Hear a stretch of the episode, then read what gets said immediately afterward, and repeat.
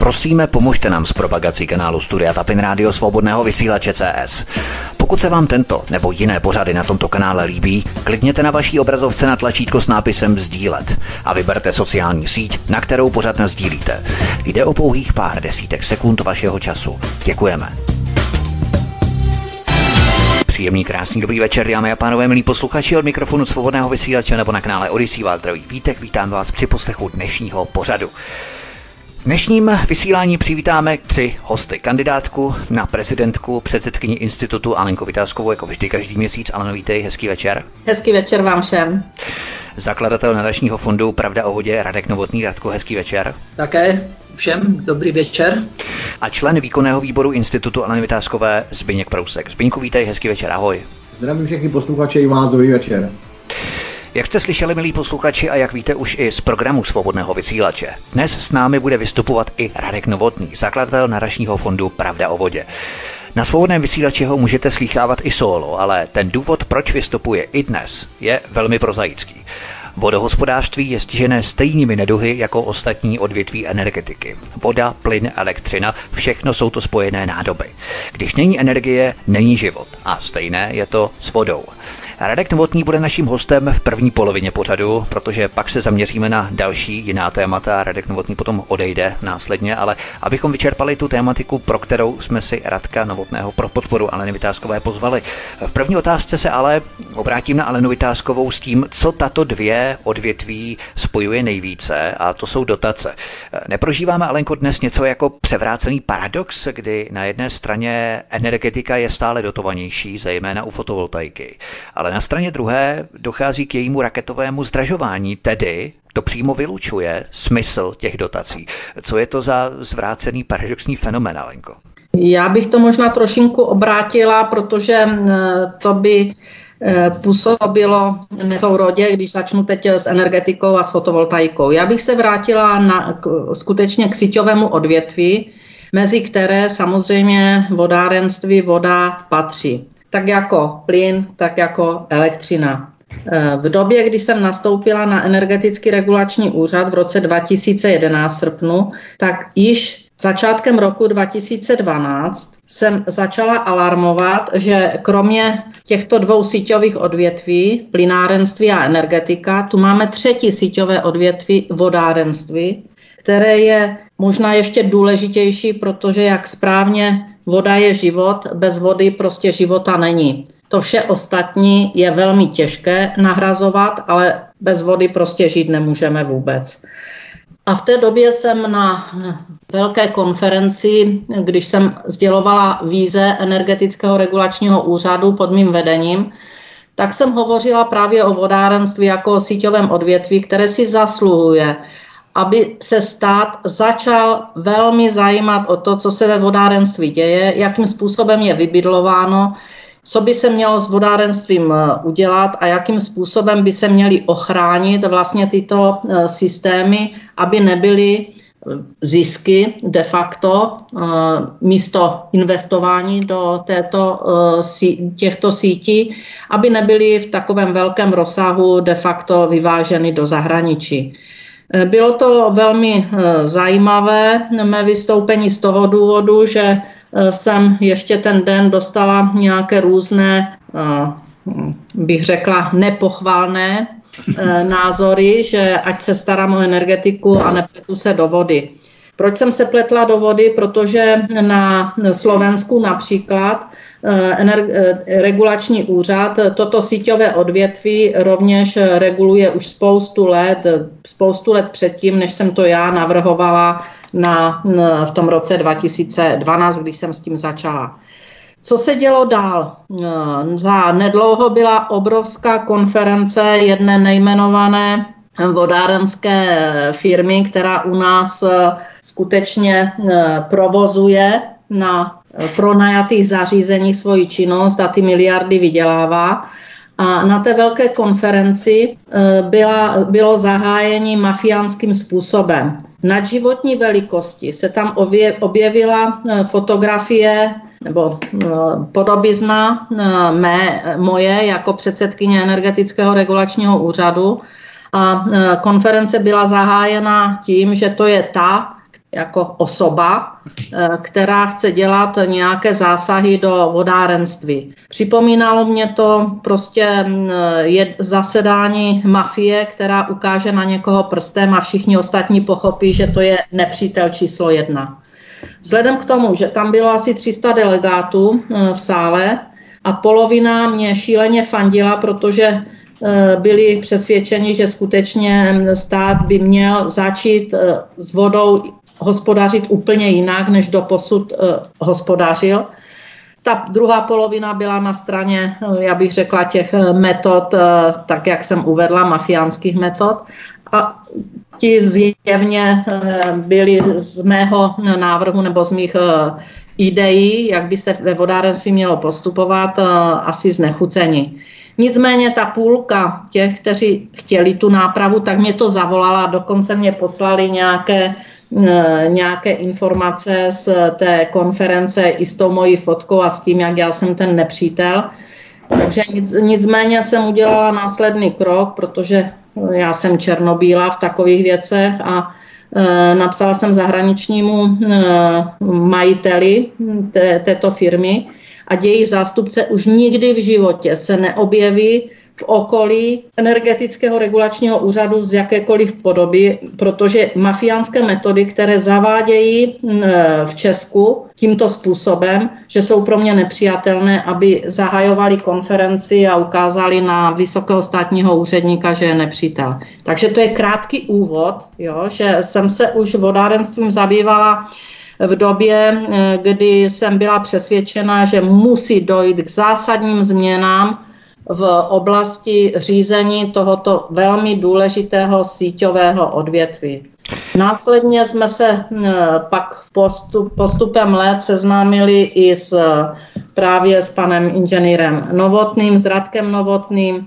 Eh, určitě bude o této spolupráci dál vyprávět, protože si nesmírně vážím toho, jak dlouho on dokáže vlastně bojovat s tím systémem, který nechce nic napravovat. To poslední je senátoři, kteří zabili naši petici, kde jsem byla petentem rovněž. Ale to bych nechala teď ještě, ať se k tomu vyjádří pan eh, inženýr Novotný, Eh, protože já jsem chtěla jenom udělat úvod, že jsem přesvědčena a byla jsem už před deseti lety, to není teď, před deseti lety, že vodárenství je ve velmi složité situaci, je vybydlováno, ceny za vodné stočné jsou enormně vysoké a přitom se nic zásadního neinvestuje, čili je podinvestováno toto síťové odvětví a do zahraničí plynou miliardové zisky tady z tohoto systému. Určitě je velmi důležité, já právě na to navážu, Radek Novotný, o čem tady hovořila ale Vytázková. Máme tady tedy tři základní zdroje energie, což je plyn, elektřina a právě voda.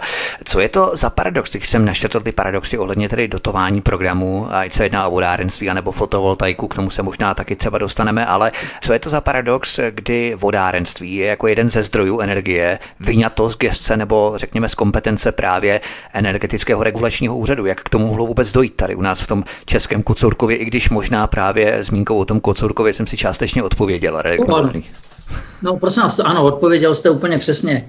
E, to není paradox, to je záměr.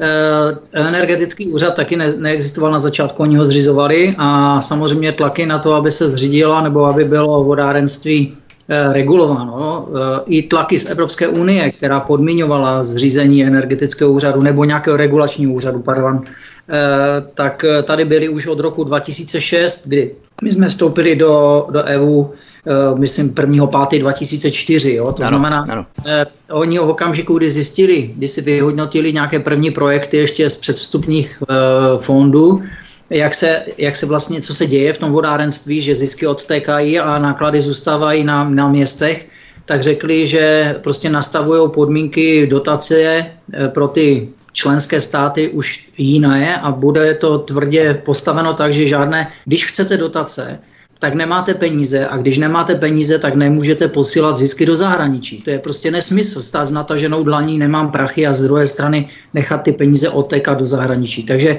tuhle logiku Evropská unie rychle pochopila.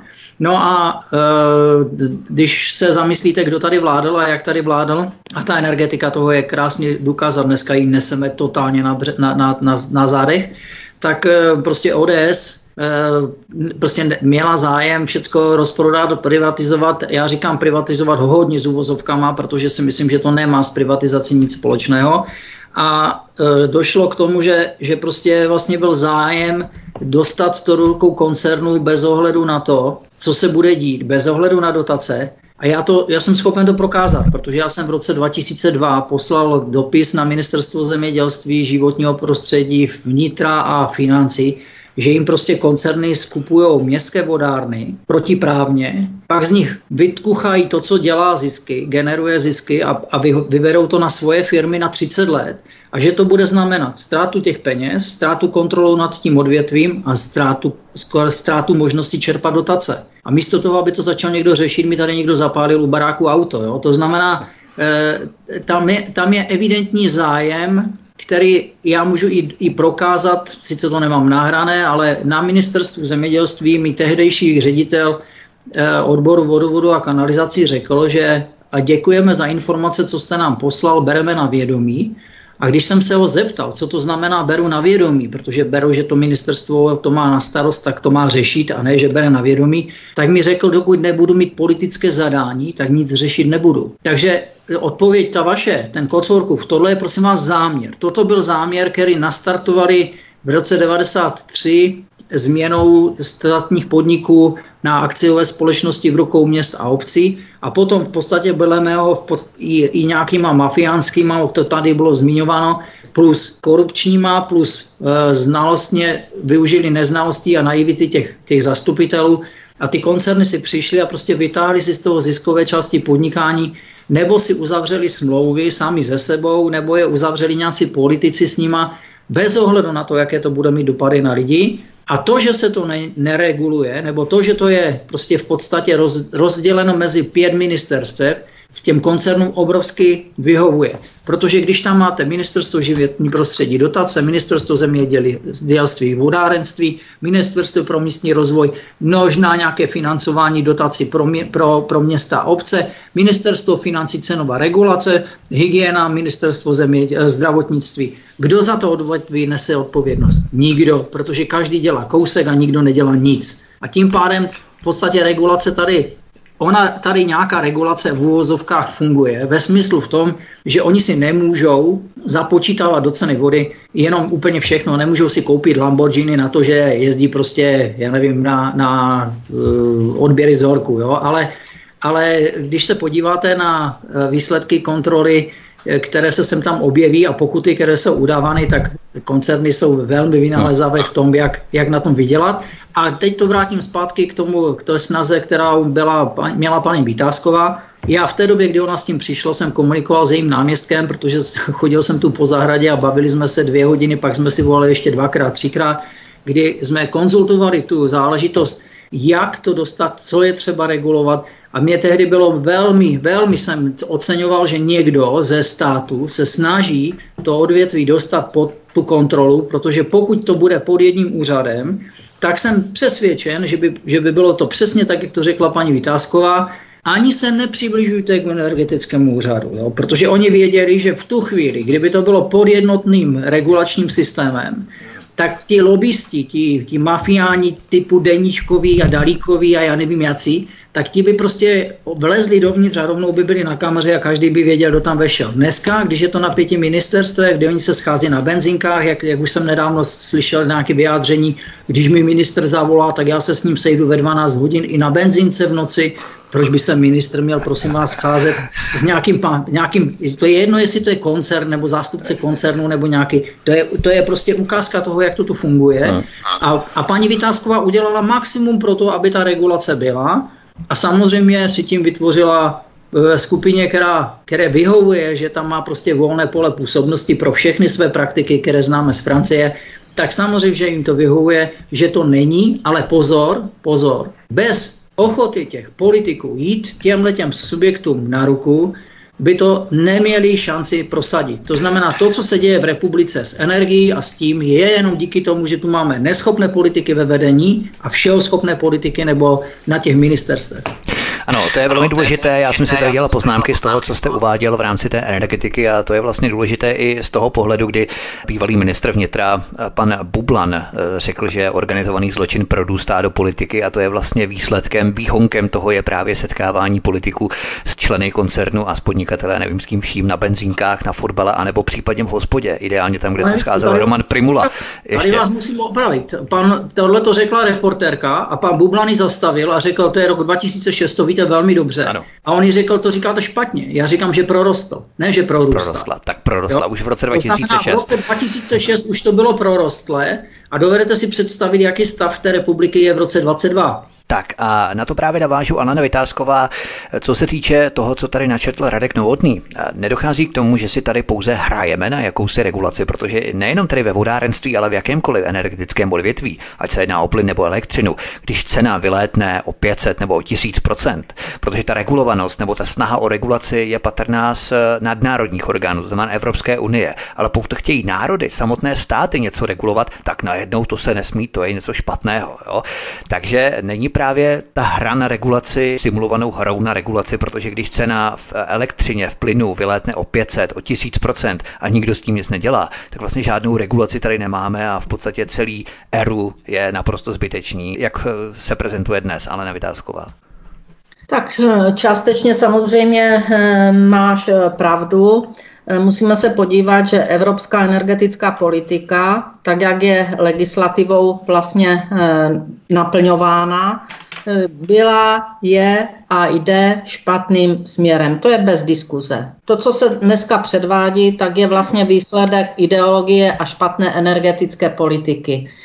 Teď se vraťme do eh, evropské energetické politiky, kterou přebíráme my do naší legislativy slepě a eh, něco z toho plníme, něco, něco plníme tak, se nám hodí, ale vždy v tom horším případě.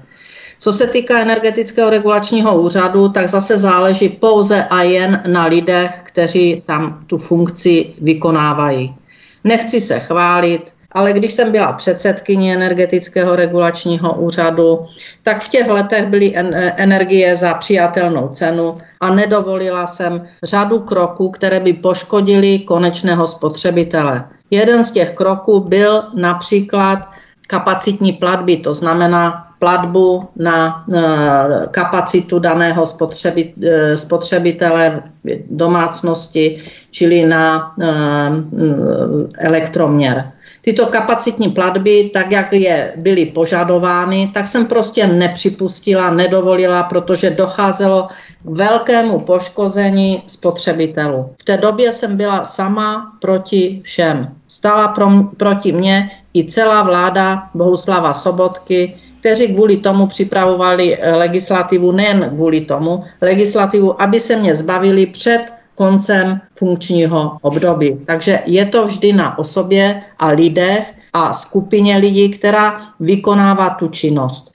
Další záležitost, teď se hovoří, že zastropovat ceny nelze, že se to nedá. To není pravda. Regulátor měl uh, udělat kroky již v loňském roce jak to naše skupina Energie není luxusní zboží navrhovala. Dali se udělat kroky k ochraně spotřebitelů v této divoké době.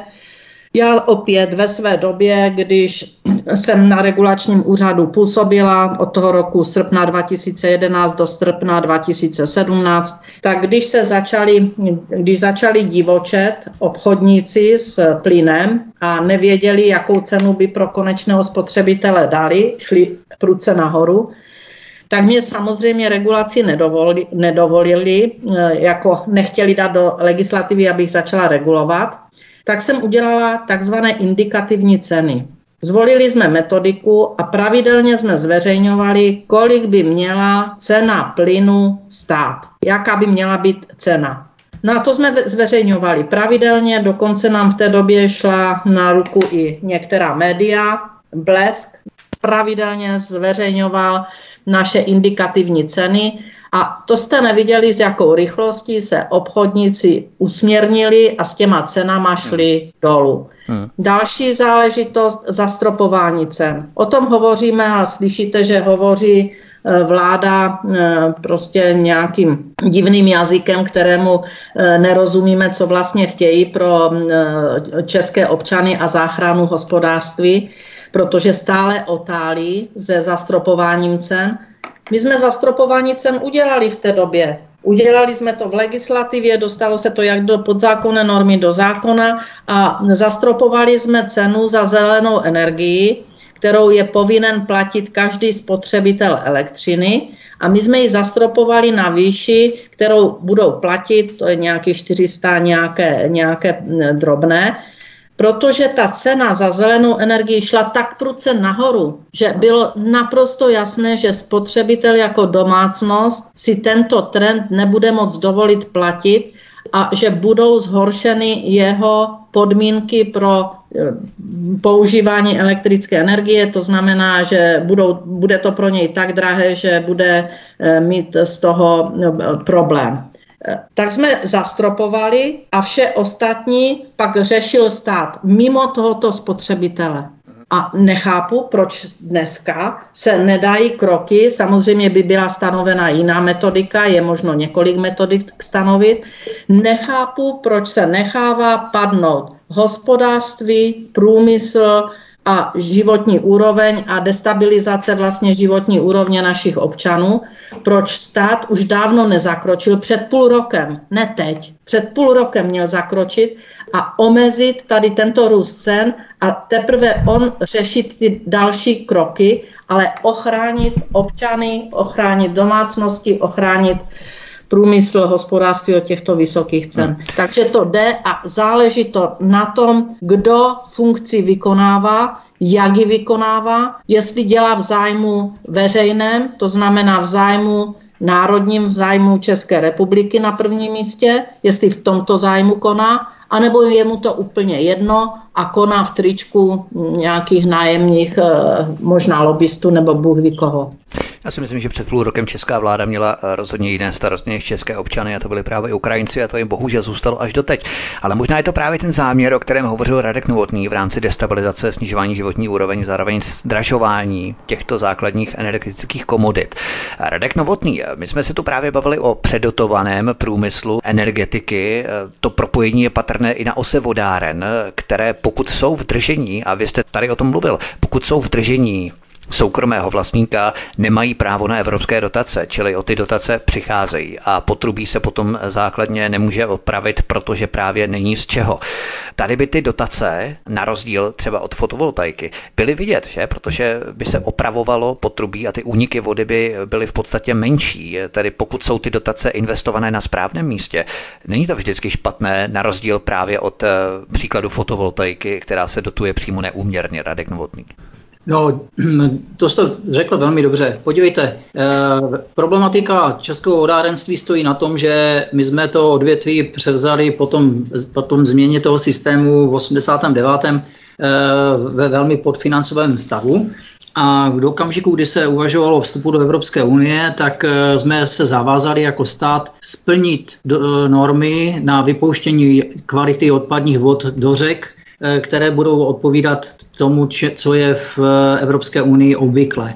Ale protože jsme to měli podinvestované a za druhé, protože vědělo se, že tam bude muset být hodně peněz investováno, tak se dojednalo v rámci tehdy kapitoly 22 předstupních jednání eh, podmínky toho, že Evropská unie nám ty peníze na vybudování těch čistíren odpadních vod a kanalizací prostě na to, aby ta voda byla čistá a tekla do řek čistá ve normách Evropské unie poskytne formou dotace, ale kdo to, tam byla ta podmínka, že to budou prostě veřejnoprávní subjekty. To znamená, ta logika, kterou jsem řekl předtím, veřejnoprávní subjekt má za starosti nebo zájem, aby to fungovalo, aby byla voda čistá, aby e, bylo dostatek vody, aby se případně zadržela lanská voda v krajině a tak dále. To znamená, je tam ten veřejný zájem, veřejná služba, tím pádem veřejné peníze a tím pádem dotace. Jenomže politici si z toho, nebo politici, spíš bych řekl politici, si z toho začali dělat čmečko.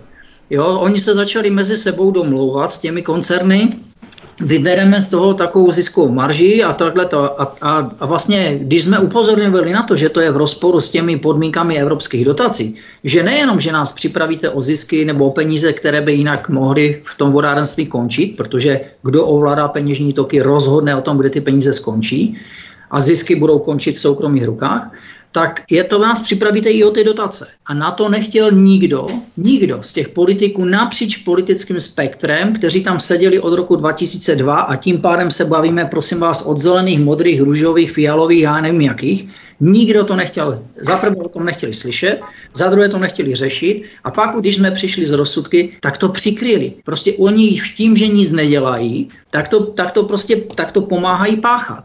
A e, to, co řekla paní Vytázková tady ohledně té regulace, tak ještě, ještě k tomu musím úvody. Je to specifické v tom, že pokud oddělím studnu od prodeje vody a tomu, kdo prodává vodu, garantuju právo na zisk, ale tomu, kdo vlastní tu infrastrukturu, to znamená těm městským vodárám, které už vlastní jenom ty trubky, ale neprodávají tu vodu, žádný zisk negarantují a tam to samozřejmě stojí úplně nejvíc, protože vykopat studnu je úplně něco jiného, než vytáhnout belík ze studny s vodou, tak, tak je to, to není o regulace. To je prostě, to si, to si opravdu hrajeme na regulaci, protože my tomu, kdo financuje všechny investice, ne, ne, vůbec žádný zisk negarantujeme, dokonce říkáme, že, že na žádný vlastně nemá nárok, jo?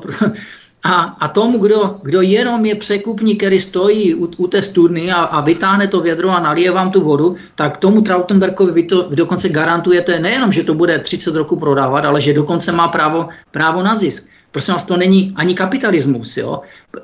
Podnikání, soukromní podnikání na monopolu s tím, že mu stát garantuje investice, protože vlastníkem jsou města a obce, které to ze zákona musí postavit, obnovit, udržovat a tak dále. A pak mu to za babku pronajmou tomu koncernu a ten koncern má garantovaný zisk, tak mi řekněte, kde tady je regulace. To je jenom hra na regulaci, vy jste to krásně jako trefil.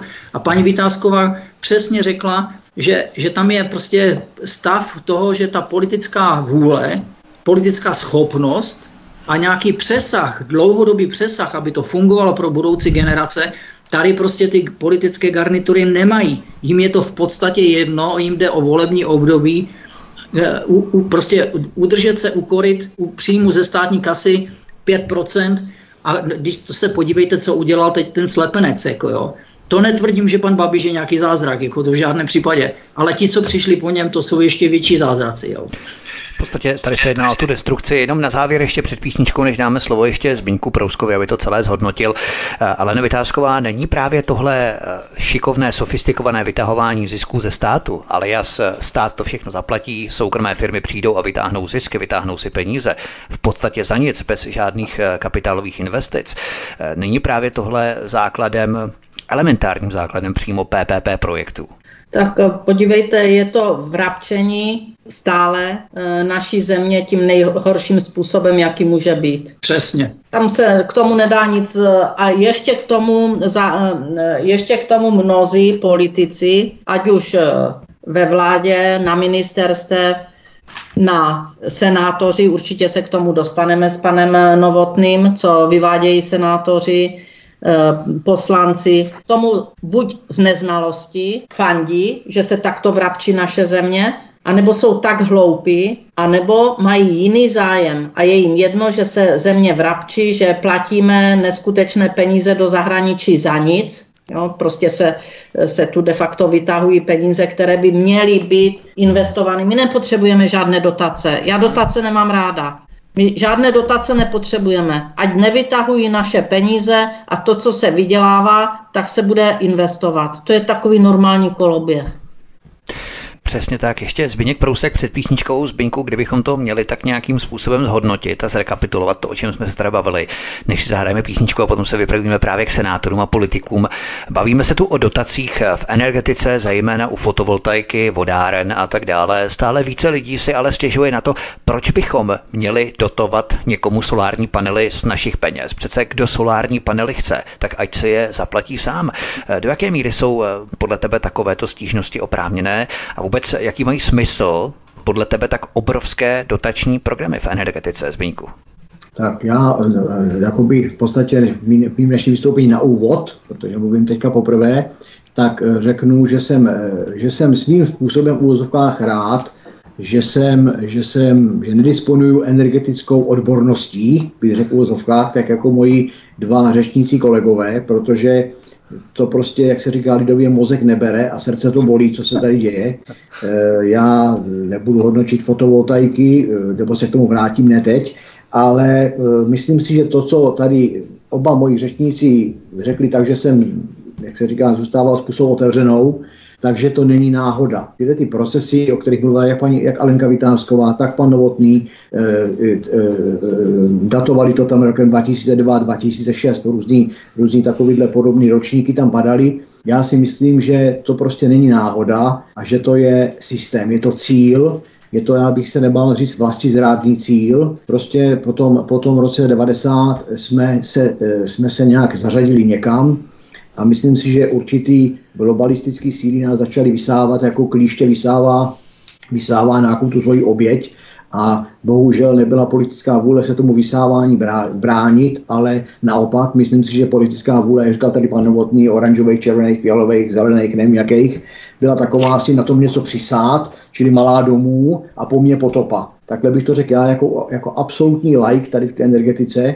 protože, jak říkám, eh, selhání může být tu a tam, ale nemůže být selhání 25 nebo 20 let, to prostě není možný. A mm, jak říkala tady Alenka Vytázková, nějaký dotace, eh, budujme normální národní hospodářství, samostatný, suverénní, Eh, obchodujeme s celým světem spravedlivě, ne podle politiky, ale spravedlivě. A myslím si, že bychom tady mohli jíst zlatý vejce a nepotřebovali bychom žádný dotace jako milodar.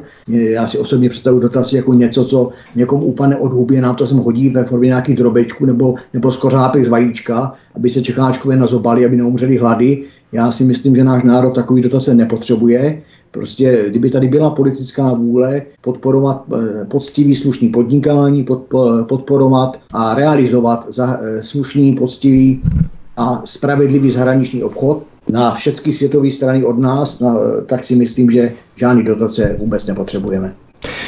To shrnutí Zbyňka Prouska bylo velmi důležité, protože přesně poukázal na tu skutečnost, když pokud se děje jedna událost izolovaně, tak to můžeme považovat za náhodu, ale pokud se takových událostí děje celá řada za sebou, tak to musíme považovat za určité kontinuum, něčeho, co pokračuje, něco, co je spojené s nějakým zastřešením a hlubšími souvislostmi, což je právě tento destabilizační mechanismus, kterého jsme právě svědky už posledních 25 a 20 let.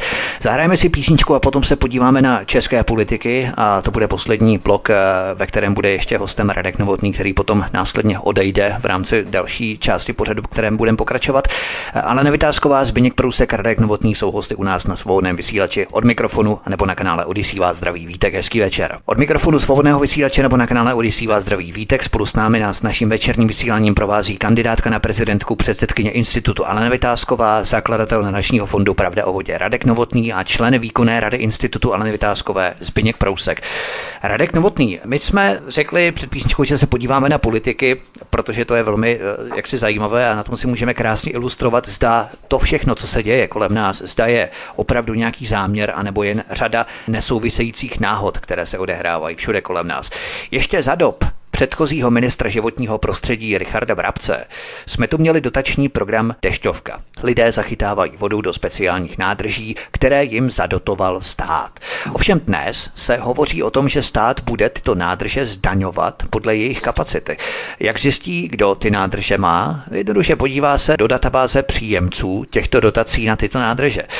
Není právě tohle ukázkou, já bych řekl, až nejodpornějšího extraktu státního gaunerství, podrazáctví, nejprve lidem jako věnovat peníze dotace na zachytávání vody do nádrží a pak to začít zdaňovat. Je tohle příklad, že se dotace ne vždy vyplatí eh, z toho, co politici dělají a jaký je ten hlubší záměr souvislostí, kdybychom neměli skákat na lep hned prvním penězům, kterými politici zachrastí jako, jakoby nám lidem. A to platí vlastně i pro kotlíkové dotace, že eh, lidé si eh, nainvestovali do plynových kotlů a teď víme, jak se zdražuje plyn. To znamená, co ti politici všechno dělají. Radek Novotný. Prosím vás, vy jste to krásně teďka vystih. Eh, já to ještě trošku vrátím k té úplně, než jsme měli tu písničku, tak eh, velmi dobře to řekl pan Prusek. Eh, Prosím vás, tady neexistuje dlouhodobá, kvalitní dlouhodobá vláda, která by opravdu řešila problémy státu. Tady, tady si řeší oni svoje politické zájmy, svoje lobistické zájmy a je jedno úplně jedno, v jaké jsou koalici a kdo tam je. Jo. Eh, velmi hezky to řekl pan Pílny, což je bývalý ministr vnitra, pardon, financí. Podle mě je jeden z nejlepších ministrů, které jsme kdy měli, protože šel do té politiky s tím, že že jde pomáhat a ne, že si tam na tom bude dělat deníčkovky. A, a nebo no, já vás jenom především, já si pamatuju výrok Ivana Pilného, kdy se zamýšlel nad tím, že vlastně důchodci by měli v 70 letech jo, sekat to, trávu a nebo dělat nějaké jo, podobné to práce. Já, to samozřejmě, to z pohledu toho jo, ale teďka beru z pohledu ekonomiky, a on, on prostě krásně řekl, prosím vás, tady, tady pan Babiš, pána Babiše nezajímá, nebo ano, nezajímá nic jiného, než volba, vyhrát volby a všichni ostatní jsou na tom úplně stejně a, a prostě proto z politiky odcházím, protože zájem toho státu nikoho nezajímá. Jo? Hmm. A, a když už to řekne vrcholový člověk, který byl ve vládě dlouhá léta nebo léta, a přitom je to člověk, který je opravdu z biznisu zvyklý eh, si udělat pořádnou kalkulaci a dlouhodobý přehled a vývoj a tak dále, tak, tak jsem hodně zbystřil.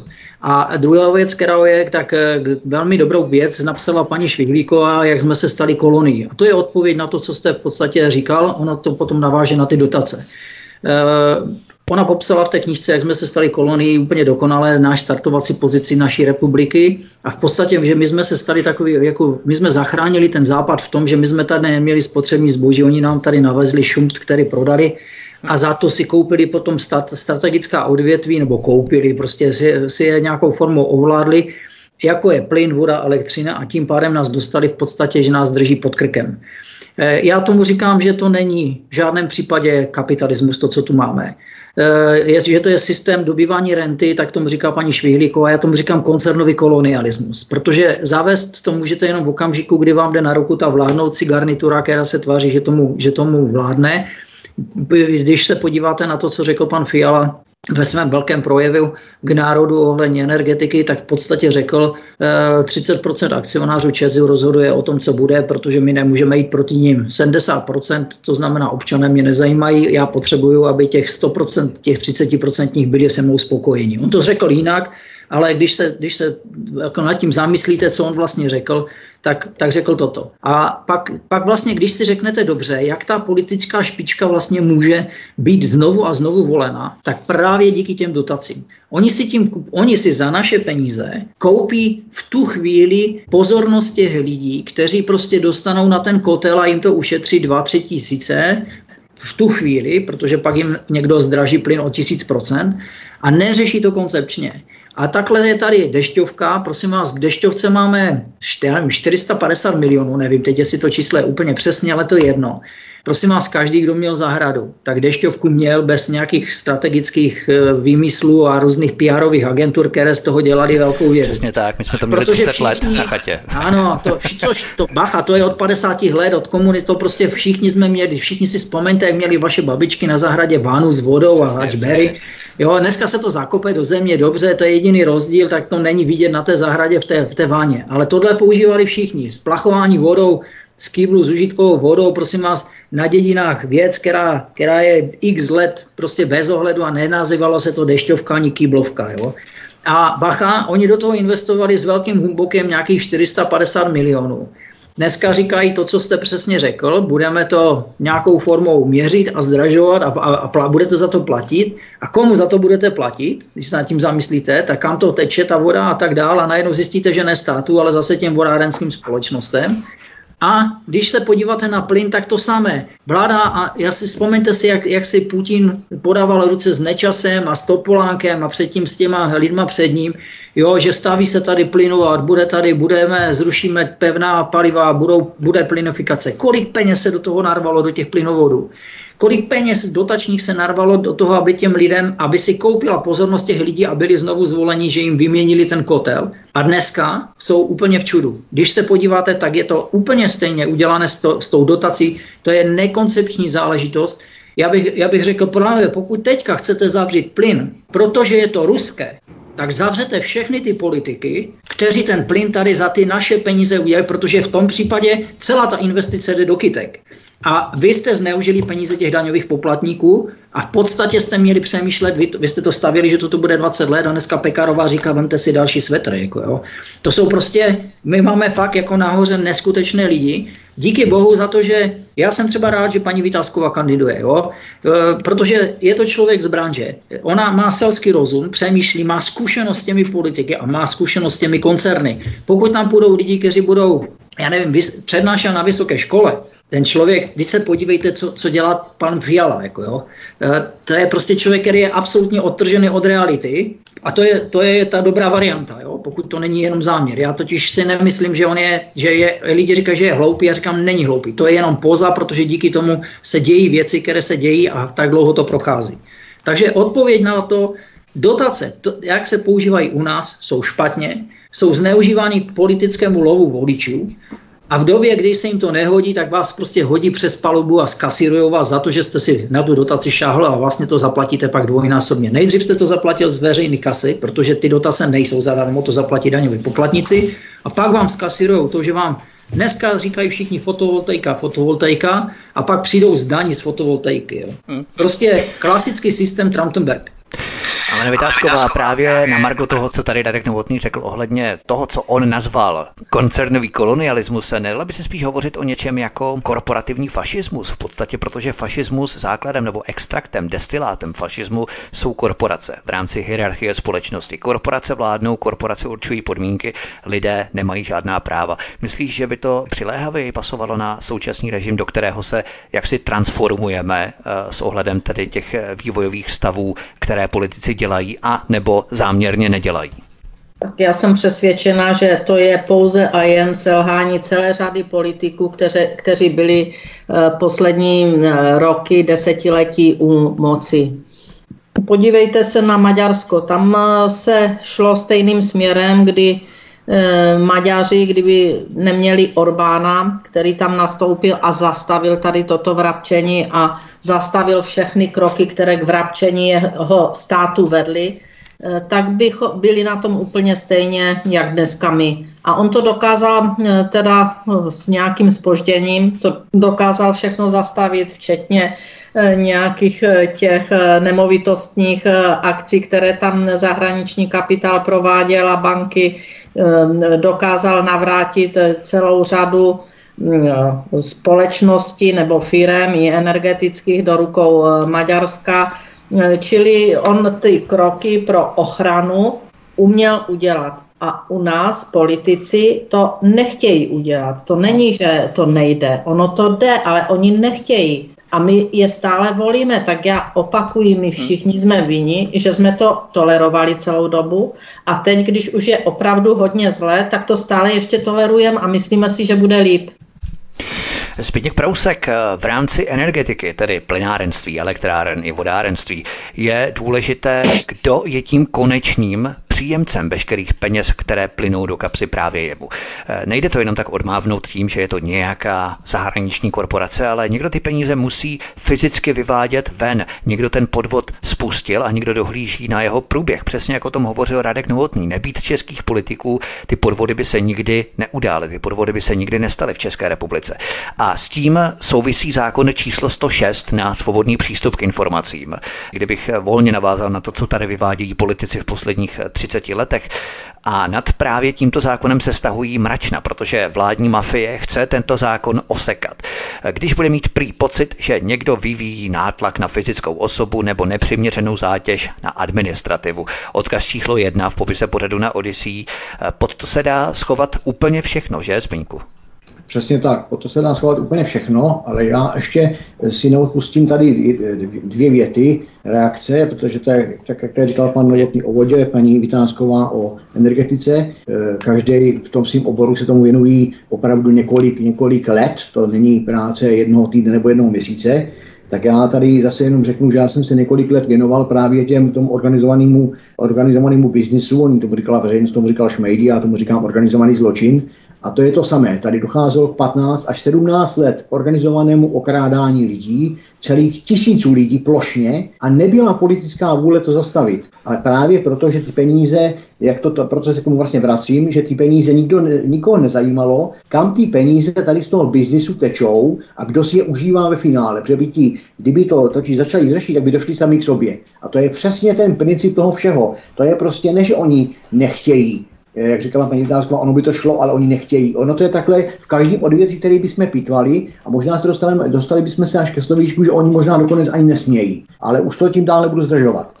A co se týče toho, toho zákona 106, přeskočím tam dost, na hned na tu 106, eh, já jsem tu informaci taky pobral, celkem mě dost zarazila, protože mi tam zarazily ty pojmy, že si to eh, bude vyhodnocovat, to vyhovění či nevyhovění toho dotazu občana, sám ten státní orgán si to sám vyhodnotí, jaká je kontrola, zda to vyhodnotil dobře nebo špatně, myslím si, že žádná.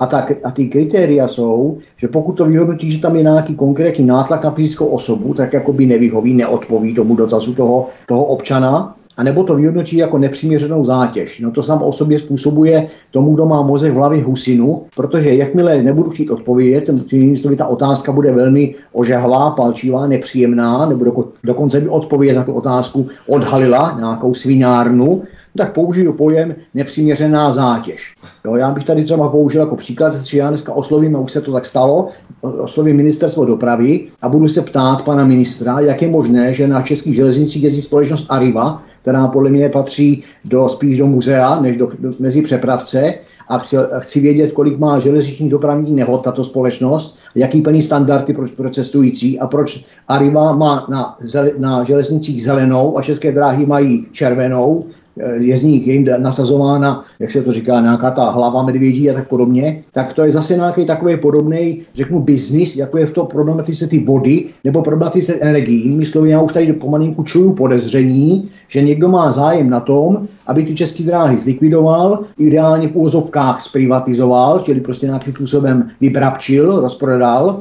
prachy si užil a ně, německo-britská společnost Arriva se nám tady bude roztahovat ovšem se službami, který jak já jsem tuhle facebookoval, já bych těch jejich vlastních nevozil ani dobytek, kde oni se odvažují vozit české lidi. Ale jsou zase lidi z druhé strany. Nechci, když jsou hloupí, že tam lezou, kde ono totiž není jiná možnost. Oni ty rychlíky potichoučku nasadili na všechny regionální, na všechny, eh, jak bych to řekl, dlouhé linky, čili Praha jich, Praha sever, Praha západ, Nejezdí jiné vlaky z rozhodnutí ministerstva dopravy než Arriva, čili žádná soutěž. Já prostě potichu připravená, potichu připravená věc. Ale tím se dostávám právě k té 106, protože ta 106, eh, eh, pokud se tady tomu tématu chcete věnovat, tak je pro toho dotyčný subjekt, který se tomu věnovat chce, ať je to novinář, nějaký vyšetřovatel a podobně, tak je to klíčový. A já si myslím, že eh, jak, ty, jak, ty, jak ti občané navnímávají ten bordel v tomto státě, jak ti občané navnímávají, navnímávají tu vlastizrádnost, a e, tu ekonomickou likvidaci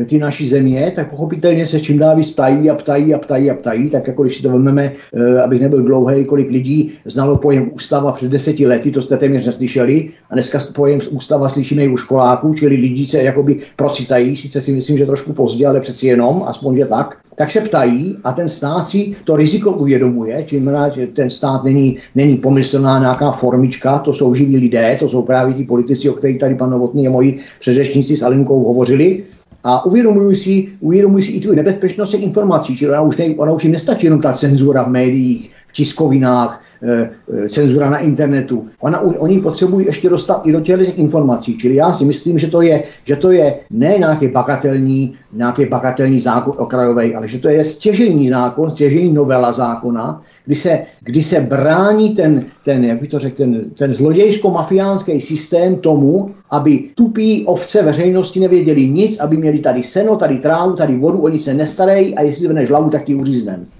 A to je to důležité, na co teď navážeme ohledně využívanosti té 106, protože čím více, a to je v podstatě určitá přímá úměra, čím více věcí stát tají, tím více se právě ta 106 využívá. Radek Novotný jednoduše, když se nějakému byrokratovi nechce vyhledávat informace, tak je to nepřiměřená zátěž. A když budeme příliš rýpat do politiku nebo do státu, tak je to vyvíjení nátlaku. Co to znamená pro vás naraci Pravda o vodě, protože zákon číslo 106 o svobodném přístupu k informacím jste využívali asi hojně. Jak se k tomu stavíte vy, Radek Novotný? Co to pro vás bude znamenat do budoucna, pokud to samozřejmě projde? Prosím vás, eh, eh, jakákoliv manipulace končí informacemi, to znamená informovanými nelze manipulovat. A to je, když se manipulovala tím, že informace nebyly a teď se informuje tím, že je tolik informací, že se z toho taky lidi ztrácí, to je jeden pohled.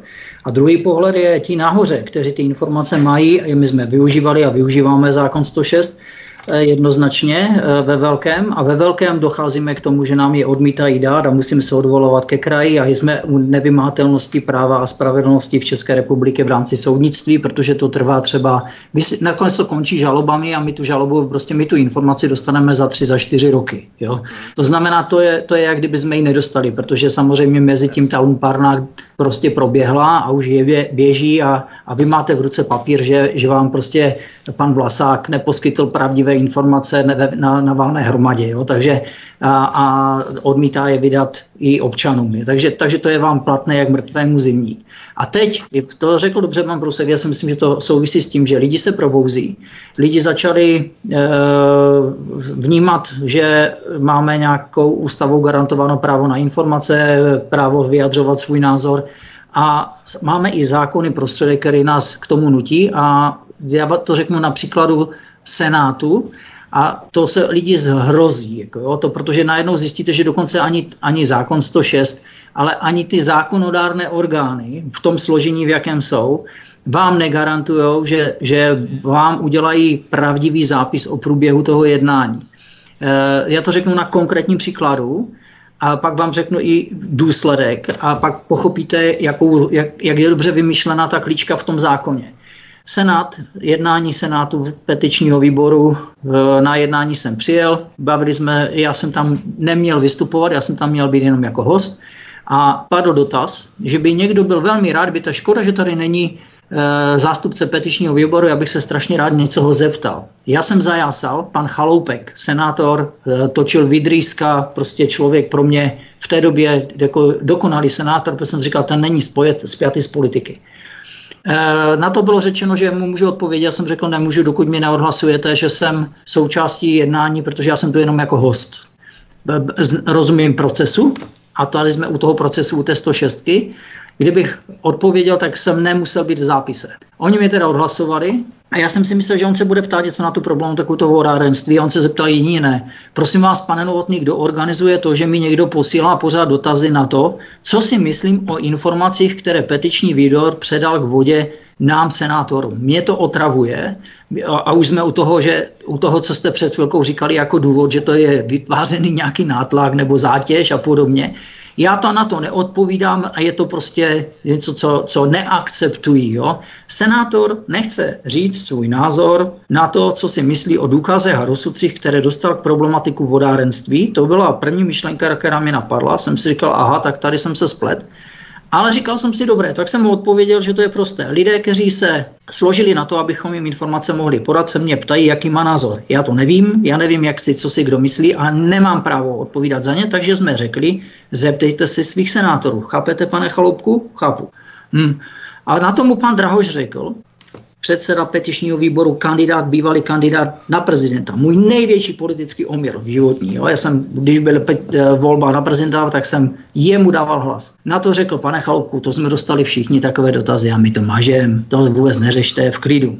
To znamená, nějaká požadavek po politicích, po vrcholových politicích chtít názor a pozor, v rámci petice, v rámci legitimního zákonného prostředku jsme jim doručili podklady a ptali jsme se jich na, podklad, na, na to, na názor na ty důkazy, nebo jestli mají jiný, tak ať nám dají jiné důkazy, protože i my nemusíme všechno vědět, tak byla, my prostě odpovídat nebudeme, my, my, my to mažem. A dovedete si teďka představit, jak to pokračovalo, nedovedete.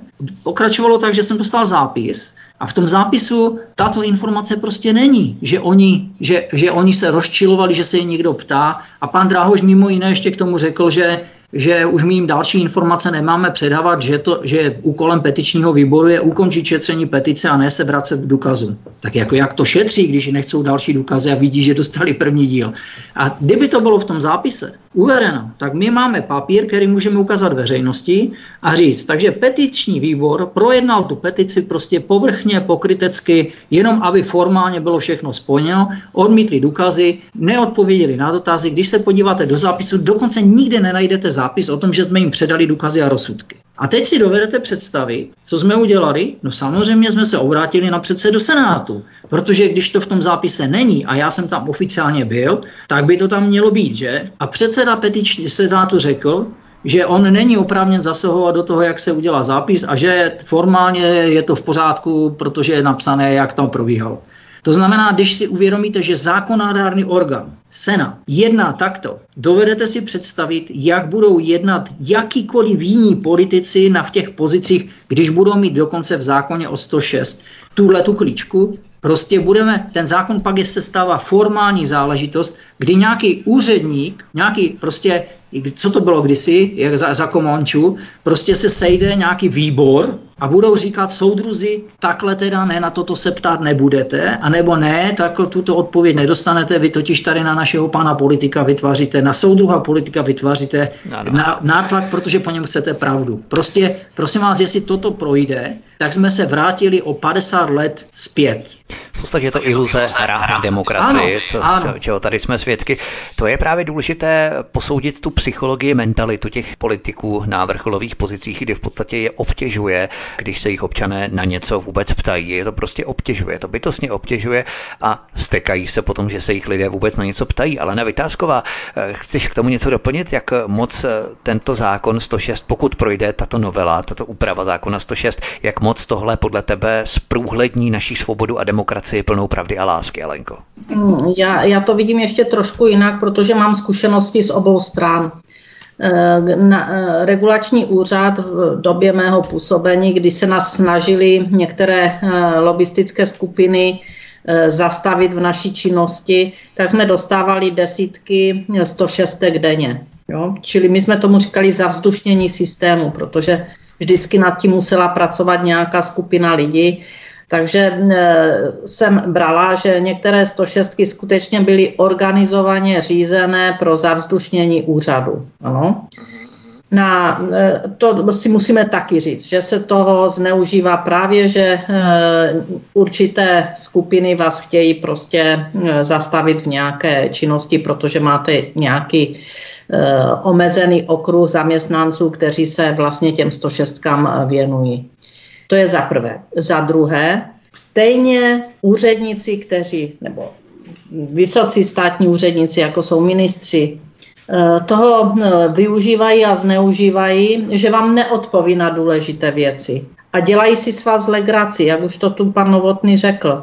Zase zkušenost z té druhé strany jako institut jsme před několika lety, kdy za Babišovy vlády se udělala nezákonná rošáda ve vedení energetického regulačního úřadu, tak jsme na základě 106 se pana ministra v té době Havlíčka dotazovali, na základě čeho byli tito lidé odvoláni, protože z našeho pohledu to odvolání bylo nezákonné, veřejnosti nezdělili, co ti lidé provedli, snažili se to zatajit pod nějaké, nějaké názorové stanovisko BISky. Takže je to tajné. No nicméně my jsme tvrdošíně chtěli vědět, co, eh, protože eh, i z těch tajných věcí eh, se něco dá té veřejnosti sdělit, proč ti lidé byli odvoláni a proč tam nastoupili na jejich místa lidé, osoby, které byly účastny nastavení vysokých cen pro fotovoltaické elektrárny nad rámec zákona a vytvoření toho obrovského boomu v roce 2009-10, tak ti se tam vrátili do vysokých funkcí. No a výsledek je jaký? Když se podíváte, tak jsme měli mít uh, soud, protože jsme samozřejmě prošli celým tím procesem té 106 do rozkladu, do odvolání, jo, prostě až k žalobě, kterou samozřejmě musíte pak už platit, jo, to už platíte, za tu žalobu už, to, už platíte soudu. No a soud to posud nerozhodl. Stání, které mělo k tomu být, tak bylo zrušeno.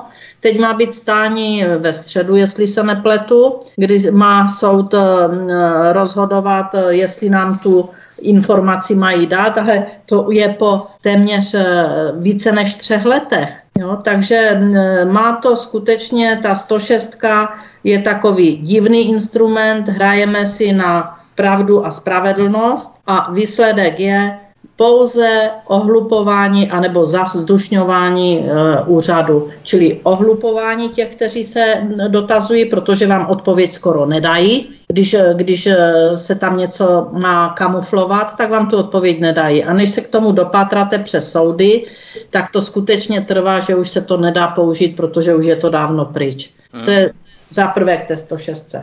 Za druhé, jak pan Novotný řekl, ten Eh, výsměch eh, senátorů, že, že prostě to mm, eh, hází do koše, tak je to vlastně postoj k občanské veřejnosti, protože tady tyto spolky Eh, které de facto eh, chrání veřejný zájem v nějaké oblasti, ať už to je můj institut, anebo eh, Pravda o vodě, nadační fond o vodě, tak chrání vlastně veřejný zájem, dotazují se a oni s náma opovrhují, ale opravdu tím největším způsobem.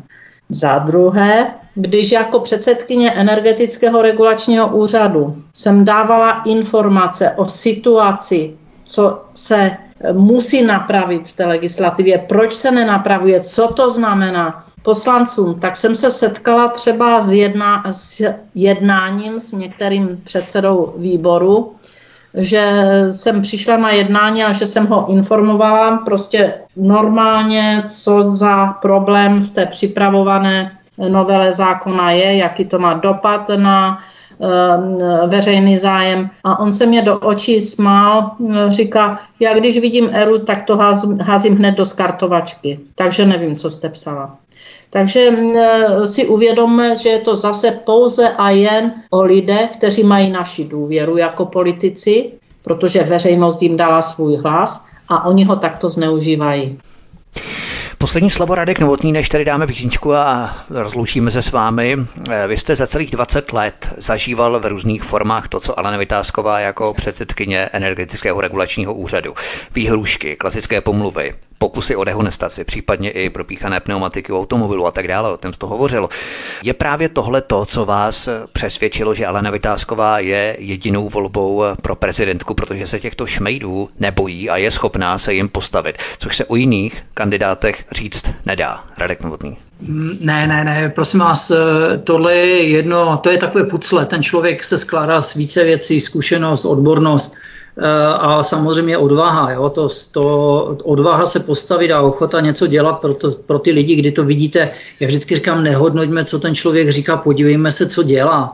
Přesně tak, na to jsem mířil, ano. Jo, a to je to gro, které, které prostě, proč říkám, že ano, paní Vításkovou si dovedu představit jako člověka, který, ona ví, jak, jaký tady jsou mafiáni, ona ví, jak si mafiáni jsou v poslanecké sněmovně, ty praktiky zná, spoustu těch lidí, kteří se jako sice třeba, já nevím, eh, PRová agentura jim udělá nějakou kampaň a lidé na to možná budou slyšet, ale doufám, že ne, tak eh, prostě praxe, reálné výsledky od odhalení solárních baronů, prostě kdyby, kdyby tam nebyla, tak, tak to v tom jede prostě ještě, tak se v tom jede ještě třeba 5-10 roků, jako teď, teď to je evidentní. To znamená, kvalita toho člověka, eh, já, já, to, já to trošku převedu teďka nejenom jako na paní Vytázkovou, to podle mě platí obecně, jo, protože a ona to splňuje, právě proto si myslím, že to zobecnění má tu váhu. Prostě, prosím vás, jakákoliv instituce, kde nás ti lidi zastupují, Eh, krásně to řekl Dušek. Eh, vy ani nevíte, co to znamená, protože když se tím zamyslete, tak ten politik přijde a chce po vás váš hlas. Vy mu ho dáte a on vám pak řekne a teď mlč, protože já mám tvůj hlas a já budu mluvit to, co chci. A pokud je to člověk, který má prostě kredit a, a bude, tak a tím mým hlasem hovoří protože vím, že bude mluvit tak, jak mluvil bych já, nebo možná ještě lépe, ale pokud je to člověk, který mě, kterého zajímám jenom tři, tři měsíce před volbami, kdy oni teďka objíždějí všichni a všichni si chcou povídat s těma lidma, zavřou se hmm. volební urny a pak za šest let budou chtít eh, prostě, ať je nikdo neotravuje v tom Senátu, což jako pro mě je fakt jako reakce petičního, lidí z petičního výboru je byla pro mě absolutním šokem. Absolutním šokem. Jsem říkal, to si snad normální politik, to si fakt jako nemůže zákonodárce dovolit ani říct. Jo? Já chápu, proč to nechcou v tom zápise, jo? já to velmi dobře chápu. Jo?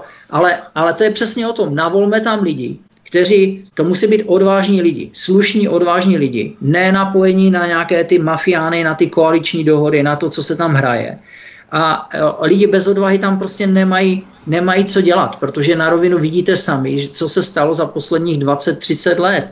Tam dneska je to tak propojené, že prostě e, stojí chlap a říká, o lidem z KDU nebo z nějaké partie stojí jeden vpředu a říká, teď hlasujeme takto. A oni všichni zvednou ruku. A ne, jo, to je v té poslanecké sněmovně. Já mám je pár lidí z poslanecké, ne, Jana Lorencová, bývalá investigativní novinářka, mimo jiné i poslankyně, teda, ano, poslankyně ve své době. Ona mi přesně popsala, jak to tam funguje, jak fungují koaliční dohody, kdy se prostě domluví jeden, Bírke se domluví s Eh, s Faltínkem a prostě oni si tam domlouvají, jak budou ty partaje mezi sebou hlasovat. A ten Senát, případně ten prezident, by měl být úplně od těchto věcí od, odkloněn, neměl by být, to, to by tam nemělo být ani v té sněmovně, ale když už to tam je, tak ty záklopky jsou ten senát a ten prezident. To znamená, pokud tam navolíme lidi, kteří budou tomu senátu nebo té sněmovně krýt záda, což se 20 let děje, tak, tak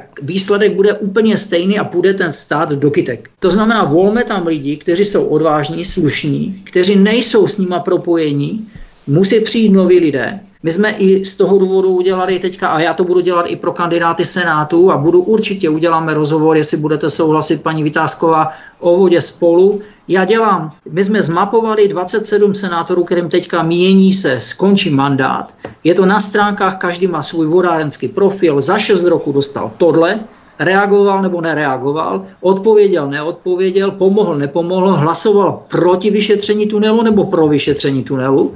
A máte úplně jasno, co ten člověk je zač za 6 roku. Co ten člověk, jestli 6 roku dělal nic a ještě hlasoval proti, protože mu to někdo zavelel a on zvedl roku, tak jak bude jednat v dalších šesti letech? No úplně stejně. To znamená, není ochoten řešit vodu, nebude řešit teplo, nebude řešit energii. On tam sedí, je spokojený, že tam sedí. Ano, některé věci se jim povedlo. Prosím vás, ne všichni. My máme jako i ty, co hlasovali pro, i to, co hlasovali proti. To znamená, všechny jsme zdokumentovali. A teď děláme to B, že ty nové kandidáty, kteří kandidují, dáváme jim stejné důkazy a rovnou se jich ptáme a začali jsme s nimi, kteří souhlasí, nesouhlasí všichni, točit rovnou rozhovory a videa, aby řekli, já si o tom myslím toto, toto, toto. Veřejný závazek, před volbama řečeny, budu to řešit, nebudu to řešit, chci, na tohle mám názor, tohle to chci vidět. Pak to má smysl skončí senátní volby. Teď chceme tyto informace dostat co nejvíc mezi lidi, protože informovaný, já jsem to tu řekl, informovaný nelze, nelze manipulovat. Když si někdo podívá prostě na, na pana Vystrčila, který každý materiál, který jsme mu poslali, vzal, a prostě informoval, děkuji za materiál, předávám materiál komisi pro sucho. Prosím vás, jak má hospodářská kriminalita, rozkrádání strat nebo ovládání protiprávního ovládání vodárenského odvětví, strategického prostát, co to má společného se suchem? Jako, pro, nezlobte se na mě. Proto, jo. A když to uděláme takto u těch, senát, u těch senátů, tak to uděláme i u těch kandidátů na prezidenty, a vyjde z toho ta odbornost a v podstatě se dostaneme k tomu, na co jsem odpovídal na začátku, že z toho výjdou ti lidé, po kterých jsou tady výsledky, kteří ten stát bránili, dostali po hubě, museli jezdit s ochrankama, e, vyzkoušeli na ně justiční mafii a já nevím co všechno. A z těch lidí se vykrystalizuje maximálně dva, tři, kteří snesou ten, to, podle mě to kritérium, že máte jistotu, že jsou to lidé s odvahou, s charakterem a s rozhodnutím zlu neustupovat. Pokud si tam zvolíme pěknou paničku, nebo nedej bože nějakého šaška, který je napojen na těch 20 roků dozadu, protože a který je zvyklý hlasovat tak, jak mu někdo zavolí, tak se nesmíme divit, že si to opět odneseme a je to opět o nás. Protože to řekla paní Vitalsková dobře, ty lidi volíme my. Přesně tak, to je velmi důležité aplikovat tohle hledisko, kdy si musíme být jistí, že ten člověk opravdu necouvne a se trvá, i když bude na něj vyvíjený tlak eh, z jakékoliv skupiny, což právě ale Nevytázková splňuje. Právě to je to černobílé hledisko, které je nutné aplikovat na tyhle ty věci. Souhlasí, nesouhlasí s vyšetřováním tunelu. Tady se prostě nedá kličkovat alibisticky se zdržet hlasování a tak dále. To by bylo všechno. My si zahrajeme písničku, potom budeme pokračovat dál v dalších tématech. My se rozloučíme s eh, inženýrem Rádkem Novotným, zakladatelem nadační nadačního fondu Pravda o vodě. Radku, moc vám děkujeme, že jste byl naším dnešním hostem a budu se těšit třeba i na solový pořad zase někdy po čase u nás na svobodném vysílači. Hezký večer, mějte se fajn. Děkuji taky a děkuji paní Vytázkové, že do toho jde. A já, já děkuji Radkovi, jak pečlivě, dlouhodobě a vytrvale bojuje za nás, za všechny o vodu, která je skutečně životem. Protože je to kus odvahy to, co on dělá. To byste museli vidět. Ať už to je v oblast na Ostravsku, kdy bojoval za to, ať lidé podepíší petici, ať se znovu nepronajímá Eh, hospodaření na vodárenské síti v, no, v Ostravě na dalších 20 let, jakým způsobem on skutečně vytrvale bojuje, ale mrzí mě jedna věc, že lidé jsou k tomu um, málo uh, já nevím, střícný, protože já jsem očekávala, že taková petice bude podepsána nejméně ze 100 tisíc lidí během třech dnů a ono to šlo opravdu velmi pomalu. Tak to byla slova Aleny Vytázkové, my si zahrajeme písničku a po ní budeme pokračovat dál v našich dalších tématech, která tu máme na programu. Alena Vytázková a Zbyněk Prousek zůstávají našimi hosty dál. Od mikrofonu svobodného vysílače nebo na kanále Odisí vás zdraví Vítek. Písnička je před námi a po ní pokračujeme. Hezký večer, zůstaňte s námi. Od mikrofonu svobodného vysílače nebo na kanále Odisí vás zdraví Vítek. Zůstávají s námi po odchodu Radka Novotného spolu s námi zůstávají kandidátka na prezidentku, předsedkyně institutu Alena Vytázková a člen výkonné rady institutu Aleny Vytázkové Zbyněk Prousek. Kalousek. My se pohneme dál v tématech Alena Vytázková. Hovoří se tu pořád o jakési čisté zelené energii, že prý větrné elektrárny jsou čistým zdrojem energie. A v této souvislosti, to jsem říkal, že když jsem to četl, že to musíme opravdu probrat, to je velmi důležité a velmi zásadní. Mě zaujal totiž článek na rakouském serveru Wochenblick. Ten článek totiž popisuje, jak ve Švédsku došlo k nehodě větrné elektrárny a lidé se nestačili divit, kolik větrná elektrárna vlastně spotřebovává ropy a jak poškodila životní prostředí. Cituji z článku, to je opravdu důležité. Odborník ze společnosti Pizzo Associates odhaduje, že průměrná větrná turbína se skládá ze 150 větrných turbín, z nichž každá potřebuje asi 364 litrů oleje jako mazivo. Celkem tedy větrná elektrárna potřebuje ke svému provozu asi 45 tisíc litrů ropy. Olej je třeba vyměnit jednou ročně. Aby bylo možné kompletně zásobovat větrnou energií město velikosti New York, bylo by zapotřebí více než milionu litrů rafinované ropy. Konec citace článku. Odkaz číslo 2 v popise pořadu na Odyssey. Byla to obrovská kauza ve Švédsku, která ukázala, že větrníky vůbec nejsou tím oslavovaným zdrojem čisté energie. Já začínám nabývat dojmu, že větrníky jsou ve světle těchto skutečností dalším obrovským podfukem. Alenko, taky tě šokují tyto informace, nebo jsi s tím obeznámená na rozdíl od nás lajků? Tak eh, já bych řekla, že jsem do jisté míry opravdu šokovaná o tom množství eh, ropy, které se ročně spotřebuje, nebo toho maziva, které se ročně spotřebuje pro provoz těchto elektráren. To jsem nevěděla. Nicméně, já jsem celou dobu vyžadovala, aby byly vyhodnoceny jak náklady na výrobu takovýchto zdrojů, ať už větrníku, tak soláru, čili náklady na výrobu, pak na jejich provoz a pak na jejich likvidaci. Aby byly vyhodnoceny ekologické zátěže, protože když jsme u větrníku, tak to není jenom o té obrovské spotřebě ropy, ale, nebo maziva, ale je to ještě o dalších. E, větrníky likvidovali na pobřeží Baltu ptáctvo. Ptáctvo, když z velké části díky větrníkům vyhynulo, tak se rozmnožily ve velkém množství různé eh, růze, různý hmyz a ten hmyz, když se rozmnožil, tak likvidoval zase různé rostliny. Takže se rozkymácí ta přírodní došlo, hierarchie došlo tady k tomuto hmm. šílenému eh, vlastně ekologickému problému, o kterém nikdo nikdy nemluvil, každý mlčí. Jo? Když tyto elektrárny v Baltu některé havarovaly a skutečně padaly do moře, tak samozřejmě, že tam vznikly další ekologické škody. A tady toto nikdo nikdy nevyhodnotil, jestli ta výroba elektřiny z těchto zdrojů je skutečně tak výhodná, jak se o ní hovoří, a nebo je to jenom hra zase o dotace, o peníze a výmysl? Takže já s tím souhlasím, tak to popisuješ. Je to prostě eko, ekologický teror, který je na nás páchan už řadu let. Zbigněk Prousek, myslíš, že lidé se postupně budou dostávat z toho rauše a euforie o zelené čisté energii tím víc, čím víc větrných elektráren bude padat, protože tato nehoda nebyla jedinou, taky v Německu se loni v září v severním Poríní Westfálsku zřítila větrná turbína, takže ten mýtus o zeleném čistém zdroji větrné energie se zhroutí také, Zbyňku.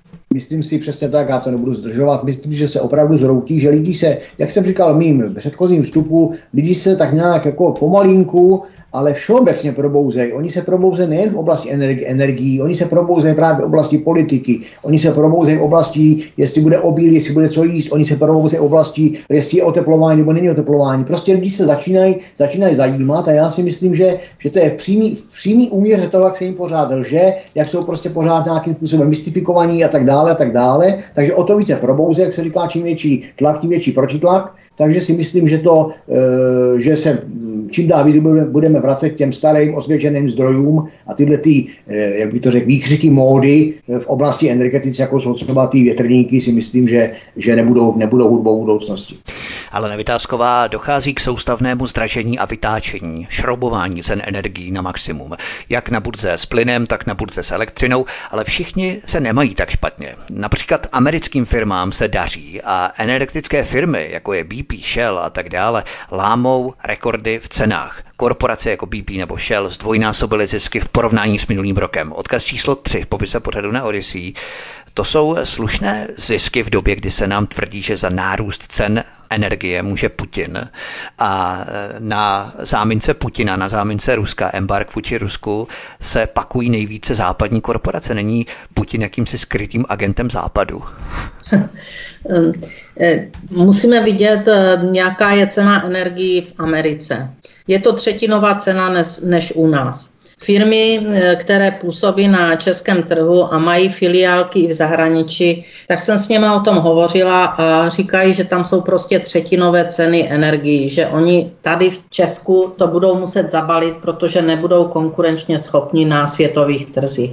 Takže se tu děje nějaké, já bych řekla, ekonomické haraky, harakíry provádí Evropa sama na sobě tím, jak eh, nějakými sankcemi se, velcí požírají se, malé, velcí požírají se, malé, klasika. Eh, svými eh, nějakými sankcemi se zbavuje vlastně dodávek strategických zdrojů, bez kterých stejně nemůžeme být. Já to nazývám skutečně ekonomické harakiri a, a sami víte, že harakiri končí smrti. Zbigněk Prousek, eh, hlouběji do kapsy musí lidé sáhnout nejen v platbách za energie, ale i v lékárnách. O několik procent zdraží přípravky na bolest i lehké respirační potíže. Pokud bude inflace dále růst, dá se očekávat další zdražování léků a tak dále. Odkaz číslo čtyři v popise pořadu na Odyssey. Myslíš, že tento dopad se ještě znásobí, když vládní mafie si pohrává s myšlenkou hrazení stále více zdravotních úkonů ze strany pacientů, tedy nás, a k tomu ještě léky a další navazující produkty Zbyňku? Já si myslím, že v návaznosti na, té, na, tu, na to e- energetický harakiri, jak tady říkal Alenka, což mi připadá velmi výstižný, eh, se, se v rámci toho nastala, nastala podruž nějaká si móda zdražovat všechno, takže myslím si, že se, že se najdou i subjekty, kteří zdražují a vůbec by zdražit nemuseli, to za prvé. Za druhý si myslím, že v tom vlastní zdrávným programu ty naší takzvané vlády nebo těch našich elit ty o tom vůbec to zaprvé neumí řešit a za druhý to nechtějí řešit, to už tady taky padlo. Takže si já si myslím, že bude zdražování na poli, na poli léčiva úplně stejný jako na všech ostatních polích eh, našeho, našeho života. A celkově si myslím, že tady je to takové jakýsi finish k úplnému zničení národní ekonomiky, eh, samostatnosti, suverenity, prostě všech těch národních hodnot, protože musíme si, jak jsme se na začátku našeho pořadu bavili o těch penězích, kdo z toho bohatne, pro komu to slouží, že jo, kdo má z toho prospěch, tak je to přesně o tom, protože jestliže, jestliže ty evropské firmy, ne naše, ale vůbec v rámci Evropy, v rámci těch sankcí, bez levných ruských energií a surovin začnou krachovat, a to brzy některé už krachují, tak to, to jedině američanům, americkým investorům umožní tyhle ty firmy za zlomek jejich ceny koupit. Pochopitelně potom se ta, až to bude v těch amerických rukách, tak se ta, ty sankce e, uvolní, ustoupí, e, za, ty americké firmy začnou v těchto firmách normálně podnikat, zahájí si svoji výrobu ale to už budou vydělávat ty peníze ne pro Evropany, ale pro Američany. Čili když jsem říkal u nás to malým, že to je jakási, jakási, jakýsi vlastní zrádný proces, tak si myslím, že ale ten vlastní zrádný proces je řízený těma americko-britskými zájmama proti Evropě a že to je už taková ta vyš, vyšší politika, do které já se teda poučet nebudu, protože na to nemám ani informace, ani, ani se na to necítím kompetentní, ale ten občanský názor na to mám, takže si myslím, že zdražovat se bude, dokud lidi neřeknou dost. Až lidi bouchnou do stolu, jdou do ulic a prostě udělají to, co už tady taky se zmiňovalo, začnou to generální stávkou, uvědomí si, uvědomí si článek 23 ústavě, co to, jako mají možnost postavit se na odpor, když, když, když všechno ostatní selhává a tady všechno ostatní selhává když začnou využívat svých ústavních práv, tak si myslím, že se minimálně to musí udělat stopka. Hmm. Takový Marshallův plán 2.0, v podstatě amerikanizace Evropy. Samozřejmě vstupní položkou u každé komodity je energie. Je ropa, je plyn, to znamená, že když se zdraží tyto základní energetické vstupy, tak každý produkt potom vyletí samozřejmě nahoru a všechno se zdraží, ať se jedná o výrobu, ať se jedná o distribuci a tak dále. Pojďme na další téma. Ale Vytázková, zatímco ceny energií raketově stoupají, nájmy stoupají, inflace stoupá, ceny potravin stoupají a ceny za léky stoupají. Navzdory tomu všemu vládní kokainová mafie nemá nic jiného na práci, než honit takzvané dezinformátory. Dva z takzvaných dezinformátorů zatkli policisté. Ti prý vyzývali k odporu proti Ukrajincům. Patrik Tušel a Tomáš Čermák, odkaz číslo 5 v popise pořadu na Odyssey. Já se přiznám, že tyto dva tedy vůbec neznám a dočetl jsem se o nich poprvé až tedy v tom daném článku, ale eh, co na to říkáš, Elenko? Tak já je taky neznám.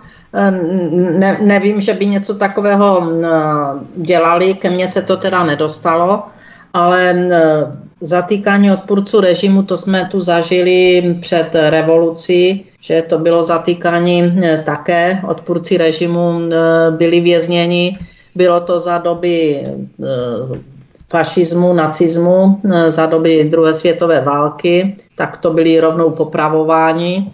A já si myslím, že eh, tady kvůli tomu, co je jim kladeno za vinu, je soudit, tak to už je potom ztráta eh, toho, že se člověk může vyjádřit a mít názor k nějakým událostem, které se ho zjevně dotýkají. A nás se to dotýká, protože eh, ta pomoc Ukrajincům stojí české daňové poplatníky nemalé peníze a na druhé straně se pak zvyšují jak jste před chvíli hovořili, třeba eh, doplatky na léky, které musíme hradit a snižují se eh, životní úroveň našich lidí, takže se nás to dotýká, ta pomoc a aby se k tomu člověk nemohl vůbec vyjádřit a za své vyjádření byl teda kriminalizován, tak to už je opravdu velmi špatné, aby si to demokratický stát dovoloval na, své, na svých občanech. Ještě ale Vytázková, přejdeme k dalšímu tématu. My jsme se tady bavili o Ukrajině, tak se na ní pojďme lehce blíže podívat. Náměstek ministra zahraničí Doněcké lidové republiky Sergej Peresada obvinil Česko z chystaného útoku na Duginův automobil. Ruský vlevyslanec při OSN zase obvinil z podpory terorismu českou ministrině obrany Janu Černochovou, která s útokem souhlasí a podporuje ho. Odkaz číslo 7 v popise pořadu na Odyssey. Myslíš, že tato otevřená podpora terorismu ze strany české ministrině obrany i ten výcvik následný, který tady probíhal, nás poškodí v zahraničí i tam, kde bychom to vůbec nečekali, Alenko? Tak eh, pokud se toto všechno prokáže, tak jak to z médií známe, eh, tak je to ta nejhorší věc, která mohla české občany potkat, aby naše země byla zařazena mezi země, které podporují terorismus. My bychom měli vědět, kdo Daria Dugina byla, chtěla jsem říct je, byla to vynikající novinářka. A tato vynikající novinářka prostě zemřela rukou nějakého teroristy, protože nic jiného se nedá hovořit o tom, když dá někdo nálož do auta, které s váma vybuchne a ještě to má mít politický podtext. Já beru, že ona byla novinářka, významná, vzdělaná novinářka. A jestli někdo pak řekne a podpoří te, tady tento čin, tak opravdu to už je na zváženou, proč, je, proč ještě ve funkci paní ministrině je, jestli má ještě dále poškozovat naše zájmy e, v zahraničí, poškozovat dobré jméno České republiky, protože tím je poškozeno 10 milionů občanů. a pokud budeme zařazeni mezi teroristické země, tak je to největší katastrofa, která nás mohla potkat pak ani v období, kdy skončí konflikt, kdy nám bude chtít někdo dodat plyn, třeba přes třetí ruky, tak to nebude možné. My, pokud bychom byli takto zařazeni, tak jsme v sankcích tak velkých, že Česká republika se z toho nevyhrabe ani za deset let. Zbigněk Prousek, pojďme na další téma. Bavíme se tu o soustavném porušování všeho, co je možné ze strany vládní kokainové mafie. V této souvislosti bych chtěl zmínit další kauzu. Policie za ministra vnitra Jana Hamáčka nezákonně schromažďovala data o lidech v izolaci. Za to sice obdržela milionovou pokutu, odkaz číslo 8 v popize pořadu na Odyssey, ale o čem to podle tebe vypovídá? Jak si může stát dovolit sbírat data o nikom jenom na základě skutečnosti, že byl v izolaci? Eh, Zbigněk Prousek. No, já, já bych to odpověděl v podstatě velmi stručně, ale tím vůbec ne na úkor ty nebezpečnosti. Já si myslím, že ta, že ta digitotalita, která tady je, a vůbec ten, ten mechanismus šmírování člověka, už vůbec nemá nic společného se základníma lidskýma svobodama. Když si vezmete, já to nebudu tady pitvat různé platby, kamery, městský kamerový systém a podobně a podobně, jasně, můžeme si povídat někde v nějakých procentech, čemu je to dobrý, čemu to není dobrý, ale tady na tom příkladu vidíme, jak prostě si eh, ten Hamáčkův režim, řeknu v uvozovkách, sbíral o nás, obyvatelí, občanech a obyvatelích eh, datový systémy. Můžeme tady klidně hovořit o nebezpečnosti právě takových úniků a tím dneska máme ty datové systémy všude. Víte si, že když nějaký hacker nabourá jakýkoliv státní, státní úřad nebo státní orgán, tak on nás zjistí úplně všechno o zdravotních záznamů přes, eh, přes já nevím, důchody, sociální věci a tak dále a tak dále. Čili já bych to tady viděl jako obecně, že prostě a zase, co ten stát podporuje? Ten stát pochopitelně, který já vidím jako, jak, jak, jeho roli vidím jako mimo jiné upevňování jakési nacistické moci, protože to, co se tady děje, není už není, není systém náhod a nemá s právním státem a s demokracií si myslím nic anebo pramálo společného, tak jak tady ten případ jeden individuální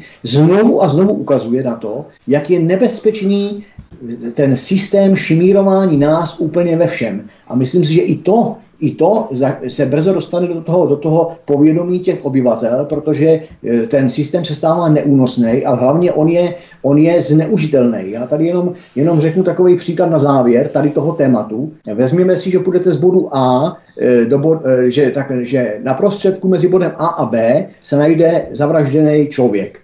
Eh, eh, elektronický, elektronický, elektronický, elektronický monitoring zaznamená, že tím úsekem jsem šel já z toho bodu A do bodu B v tolik a v tolik hodin a jsem tedy jediný, kdo mohl toho člověka zavraždit a v naší justici, naši talárníci z toho dovodí, že když, jsem, když, když ta možnost, že jsem jediný, tak jsem vlastně vrah. Ale už vůbec dneska nikdo se nepozastaví nad tím, že tam mohl člověk, který nezanechá elektronickou stopu, čili člověk ještě dneska normální, bez mobilu, elektronických hodinek a tak dále, tak dále, mohl úplně stejně a, a ve skutečnosti takže tím jenom si říct, jak strašně tohle je takový vytažený, vytažený případ za vlasy, jak strašně je ten monitoring nebezpečný. Prostě já si myslím, že se blížíme k do, eh, době těch, těch fantastických filmů, že ta, že ta digitální elektronická doba z nás úplně to lidství vyšachuje, že prostě vás vymažou ze světa vaši, vaše rovné číslo a budete vlastně, budete, budeme mrtví, nebo naopak zase se elektronicky narodí, nebo že elektronickým, elektronickým subjektům dáme lidské vlastnosti a podobně a podobně. Prostě já to vidím hroznou hrůzu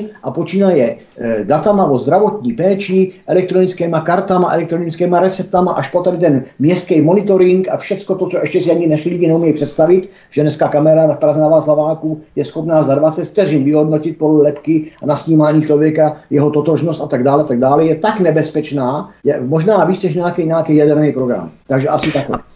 A přímo na to navážeme. To jsi mi nahrál úplně geniálně, protože to téma s tím přímo souvisí, na které teď eh, právě přejdeme. Ale Vytázková. Vláda dokončila rozsáhlou personální výměnu v silových a bezpečnostních složkách. Jde o justici, policii i rozvědky. Odkaz číslo 9 v povize pořadu na Odyssey. O čem to podle tebe vypovídá? Snaží se vládní kokainová mafie jak si pojistit důležitá místa lidmi, kteří budou krýt protiprávní gaunerství proti lidem, kteří třeba, eh, teď spekuluju, nebudou mít na zaplacení složenek za energie na podzim a tak dále. Eh, Alenko. Hmm, těžko odhadnout, co se zatím skrývá, protože na druhé straně ministr Blažek odmítl povýšit soudce Novotného z Brněnského krajského soudu a právě za nezákonná rozhodnutí a rozsudky, které provedla, způsobil nemalé škody na majetku i lidských životech. A vidíte, jak se Soudcovská unie proti tomu postavila tak tvrdě, že s tím nesouhlasí, přestože je to právo ministra nepovýšit. A je z toho takový mazec, že nejsem si jistá, jestli tady toto všechno vládne jenom tady tato vláda, jestli ty, tyto změny neprobíhají i na základě požadavku nebo těch, já bych řekla, nevolených struktur, které se snaží stále ovládat tento stát. A ta výměna na těch policejních rezortech a v těch silových složkách, tak kdo ví, kdo všechno zatím stojí. Jestli to je skutečně jenom tato vláda. Zbigněk Prousek, měl by si k tomu ještě další doplnění v rámci výměny těch eh, personálních postů na vrcholových pozicích právě těchto silových no. i policistů a tak dále? Jenom, jenom velmi stručně, jako Alenka to v podstatě eh, načala to téma, já na to jenom velmi stručně zareaguju. Ano, můžeme si, je to přesně ve dvou rovinách, v bílo-černém světě. Buď to, to může být opatření už v podstatě mimo, mimo moc tady ty vlády, že ona tam jakási vláda je, ale možná, že tam jsou i daleko větší tlaky, už aby tam nebyla. Takže může to být už taková nějaká, jaký, jaká, jakýsi praskání ledu a proto jsou proto výměna těch vedoucích funkcionářů a nebo naopak, může to být právě to upevňování ty nacizace, ty nacizace státní zprávy, protože e, potom by to zrovna tak úplně stejně by to šlo použít těch druhých 50%. Já jenom, jenom připomenu, tý, e, že právě, že to nejde o nějaký, o nějaký jak bych to řekl, bezvýznamný funkce, ale opravdu o takový ty silový posty. Když si vezmeme finanční analytický úřad, který teda e, sleduje toky velkých peněz, opravdu velkých peněz, když si vezmeme, že jde o celní, zpráv, o celní zprávu, tak to e, se bavíme o sankcích a mezinárodním obchodu, to taky není zanedbatelný hledisko, který vlastně tento vedoucí funkcionář kontroluje. Armádu nemusím komentovat, policii nemusím komentovat, ale v souvislosti s policií zmíním, že ta samá rošáda se udála, udála nebo teda zůstává na gipsu, na gipsu pan Dragoun jako vedoucí gipsu a ten gips je zase 50 na 50. Buď to je to z 50% zametač, zametač pod koverec a drží, drží jakýsi policejní, policejní, teďka řeknu dokonce i teror v kontextu, v kontextu události poslední doby, takže je to, je to opravdu napováženou, ale nicméně ty funkce zahraniční rozvědka, eh, vnitřní rozvědka, Jo, takže to jsou všechno funkce silový a myslím si, že to tam není, že to tam není, jak se říká, jen tak. Jen tak ze strany to nevzniklo, má to nějaký cíl a teďka teda budeme muset opravdu, znova znova navážu na to otevření tou Alenkou, že budeme muset teďka číhat z pozice občana, jestli to je k tomu utahování smyčky kolem krku českým občanovi, prostě kvíkneš a půjdeš, jo, zatím, zatím justice funguje tak, že kvíkneš a půjdeš, anebo naopak, je to nějaký praskání ledu, praskání toho černého ledu, toho ledu temna, a na, jakoby počítá, že ta, tahle ta vláda tady snad dlouho teda nebude a že tam jsou už nastřílený jakýsi lidi, kteří by měli přinést nějaké změny. Ale já spíš věřím tomu, že to bude tom černém scénáři, že to je vůle těch našich současných mocipánů, jako si upevnit, jo, snaha taková udržet, udržet se vší silou na těch postech, tak to musí udělat ty pevné nohy toho stolu. Rozumím, to budeme tedy bedlivě sledovat, jakým způsobem se to bude tedy ubírat, pokud je to opravdu praskání ledu, anebo naopak, pokud je to právě utvrzování, upevňování pozice současné vládní mafie. Ale nevytázková totální bezpráví zažíváme každý den na každém kroku a jedním z tisíců příkladů můžeme jmenovat například kauzu Studenka. Tragická nehoda se přihodila 8. srpna 2008. A co se stalo? Ani po 14 letech není známý vyník. Justiční hydra se usmívá do tváří pozůstalých a čas běží dál. Odkaz číslo 10 v popise pořadu na Odyssey. Je to podle tebe další z pomníků české justice, Alenko? Tak těch pomníků české justice je celá řada a tady ten určitě patří mezi ně, protože se e, nechce obvinit nebo nebylo vyšetřeno, aby byl obviněn ten, který to skutečně zavinil ale takových případů je skutečně celá řada a ve všech oblastech. Je to jak už od eh, odsouzení lidí, kteří nic nespáchali, jenom aby se zametl eh, zločin, tak ta studentka je další z pomníku a eh, ta náprava justice je opravdu strašně důležitá A jak stále opakujeme se Zbínkem, vymahatelnost práva a spravedlnosti je základní pilíř demokratického právního státu a ten nefunguje. Takže pak všechno ostatní se od toho odvíjí. A studentka patří mezi velmi smutné pomníky eh, české eh, justice. A těch pomníků je opravdu celá, celá řada, protože jestli soudní spor trvá 8-10 let, jestli eh, se odsuzují skutečně nevinní lidé v některých případech, a myslím si, že se to musí vědět, že to tak je, tak pak těch pomníků skutečně můžeme nazbírat celou řadu. Zbigněk Prousek, pojďme v rychlosti závěrem na tvoje okénko policejní černá kronika, které vždycky v našich pořadech otvíráme. V pražských horních počernicích se totiž stal jen velmi těžko uvěřitelný útok policisty. Uniformovaný policista brutálně napadl muže, který jen zavonil na služebnu. Strčil do něj, až dotyčný upadl na zem, kde ho pak policista byl hlava nehlava. Jeho kolegové přitom této brutalitě přihlíželi. Odkaz číslo 11 v popise pořadu na Odyssey. Dovedeš to popsat nějakými rozumy rozumnými slovy, protože rozum se v této kauze bude jenom těžko hledat. Možná i tady dokonce chybí, Zbinku. No, tak je to událost 30. července eh, z Horních Počernic, kde se stala bezprostředně před ovolním oddělením, kde teda tak, jak to popsal, už to nebudu, nebudu opakovat. Eh, já si myslím, že to se přesně hodí do ty naší policejní kroniky, protože ví dobře, že já jsem už řeknu teďka dlouhodobým kritikem práce naší policie, protože ta převládá, právě v té práci převládá to, co by tam být nemělo. Ta policie, já tvrdím, že je těžce invalidní a že pouze na některých, některých takových, jak to řek, extra případech ukazuje, jo, jak já vždycky říkám, už se vyšetřuje jenom v televizních seriálech a policie je spravedlivá a, a, a slušná a poctivá a důsledná jenom v těch televizních seriálech, praxe je trošku jiná.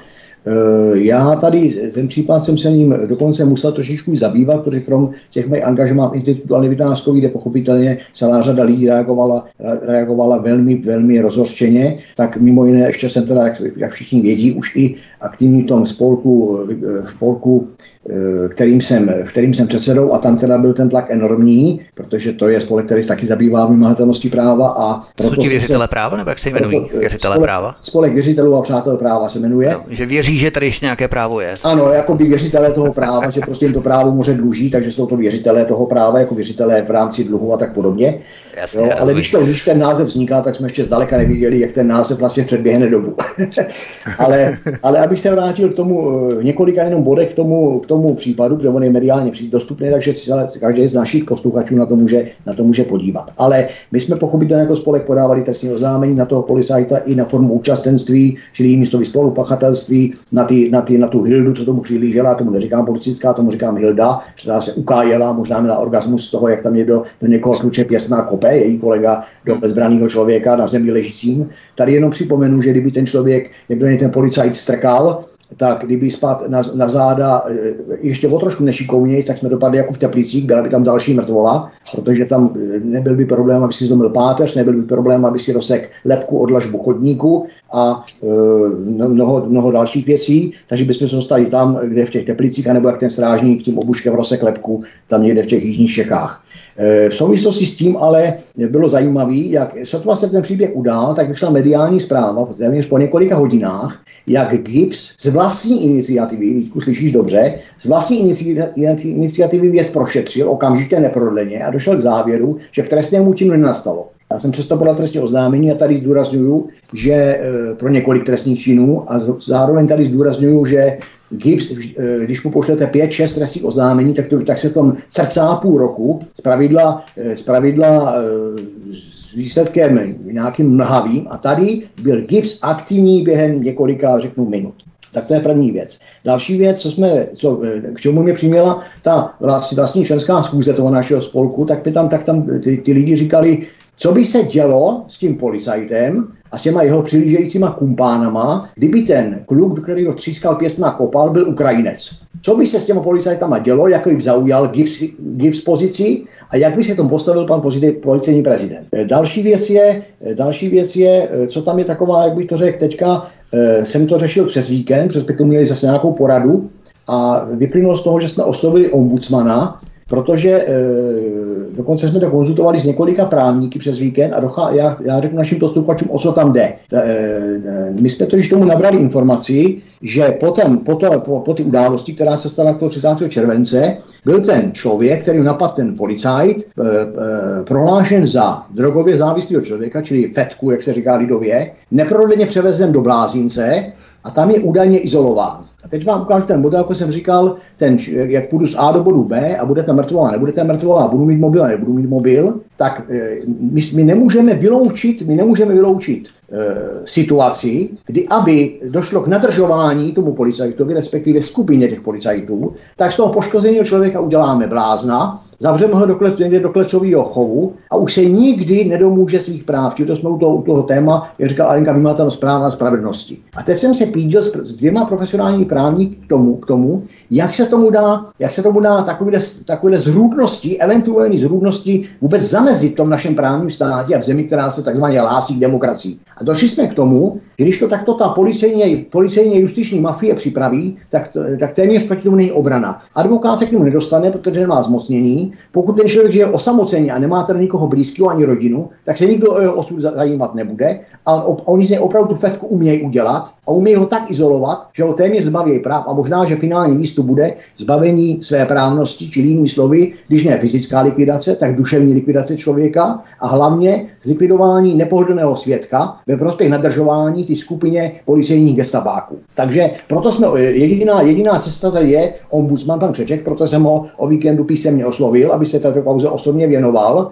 protože jestliže se ukáže to, co potvrdí to podezření, které já jsem teďka řekl na hlas, tak to bude, to bude snad monstrózní případ v Evropě, protože si myslím, že tady nejsme v 50. letech a že tohle to by teda být, být asi nemělo. Protože, ale já říkám, nemůžu se z myšlenky, že se, že se tak děje, Úplně, úplně na závěr ještě doplním, že jsme jako spolek podávali, podávali podnět policejnímu prezidentovi pro postavení mimo službu všech zúčastněných policajtů do vyšetření události a zároveň eh, podnět pro propuštění toho policajta, který, který tam do toho člověka třískal pěstma, kopal a zašlapával ho a tak podobně a tak podobně. Ale tady jenom doplním, že jsme toto už udělali jednou a to v případě, kdy policajt napad nerouškaře na zastávce autobusu v Praze sám přitom roušku neměl, tam ho nějakým způsobem násilný napad a celý policejní prezidium ho drželo a dokonce jsme, jsme za pomocí eh, velmi, velmi schopného advokáta našli, našli citaci zákona, že takový policajt ne, že může být propuštěn, ale že musí být propuštěn a přesto, přesto policejní prezidium toho policajta, toho policajta e, nepropustilo. A takže to všechno právě tak. To, že tady o nějaké nevycvičenosti, nepřipravenosti a tak dále, tak dále, o tom mluvit nebudu, ale poslední, čím to uzavřu, tak si myslím, že tady znova ukazuje se to, co připravujeme petici do poslanecké sněmovny, a to je potřeba psychotestů policajtů. A víme, že policie České republiky má povinný nástupní psychotest, ale už potom nemá, nemá povinnou jakoby jeho atestaci nebo jiným slovy obnovování a strážníci ho nemají vůbec. Takže touto petici se budeme domáhat, aby policajti měli ob, ob, obnovovaný proces psychotestů a strážníci ho měli minimálně povinný při nástupu, protože tady to je jasný selhání i, i psychiky toho, toho, toho gestapáckého policajta. Tak dobrá, jdeme na poslední věc, protože už máme opravdu málo času. Ještě Zbigněk Prousek, eh, pojďme na další zprávu. Čtyři mrtvé lidi, včetně dvou dětí, našla ve středu policie v Rošnově pod Radhoštěm na Vsetínsku.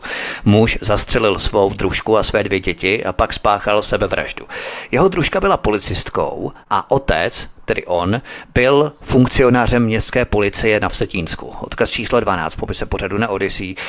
Mně to nepřijde jako obyčejná vražda z nějakého okamžitého pominutí smyslu, řekněme, ale spíš to ve mně zbuzuje dojem, jako by oba byli zapleteni do nějakého velkého lokálního průšvihu. Chlap už prostě nevěděl, kudy kam, bouchli v něm saze. Prostě není to jenom tak leda, jaká vražda Zbyňku. Co bys k tomu řekl, co o tom víš? Já o tom, tato informace byla, byla velmi, jak by to řekl, kusá, byla taková velmi, velmi strohá v médiích.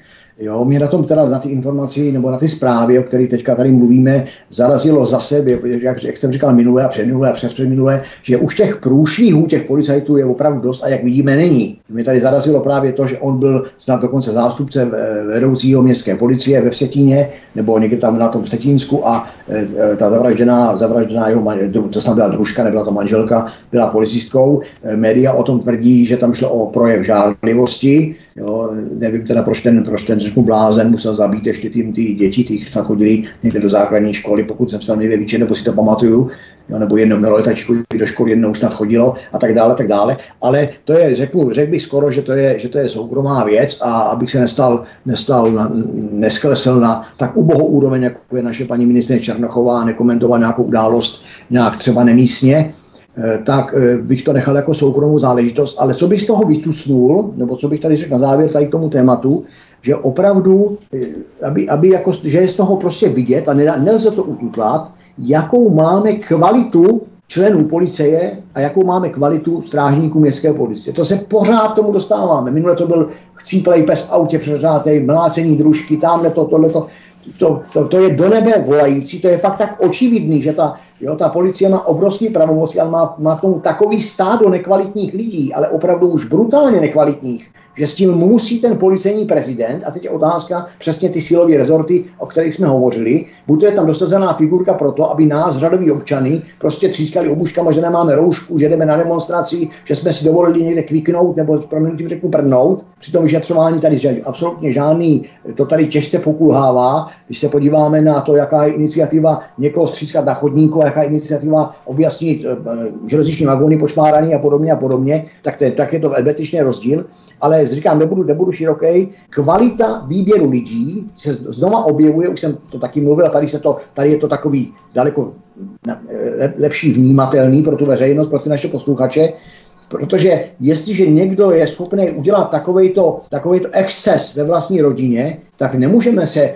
nepozastavovat nad tím, co je schopný udělat za exces na chodníku, když budu pro nervy. To nejsme jenom v tom, v tom horních počernicích, kde mu ruply nervy a ten policajt to prostě nezvlád. Jo, takhle se to může stát kdykoliv. A to je právě ono, že se to stává. To je to policejní násilí, ta policejní brutalita a to vedení ty policie, pan policejní prezident, minister vnitra Rakušan, dělají, že to nevidí, nebo, nebo jak to chtějí dlouho řešit, nebo se nás u toho první část debaty 6 let, 12 let, 15 let, prostě tohle to musí skončit. Proto je důležité tohle opravdu monitorovat. Ještě na závěr, Alena Vytázková, my se překlenovací formou eh, podíváme na tvou prezidentskou kampaň a v ní právě budeme pokračovat v dalším pořadu obšírněji, než to byl pořad tento, protože jsme byli obohacení o Radka Novotného, který nám přinesl nové pohledy ohledně vonárenství, ohledně věcí, které spojují tyto energetické segmenty a které mají společné a které naopak třeba odlišují a tak dále, ale příště budeme věnovat eh, větší plochu pořadu právě tvé prezidentské kampani, respektive přípravu na ní eh, v rámci sbírání podpisů, sběru podpisů o petičním stánku a tak dále. A na to bych se zeptal na závěr. Eh, minule jsme se bavili o tom, že máš tuším 41,5 tisíce podpisů v rámci sběru na tvou prezidentskou kampaň.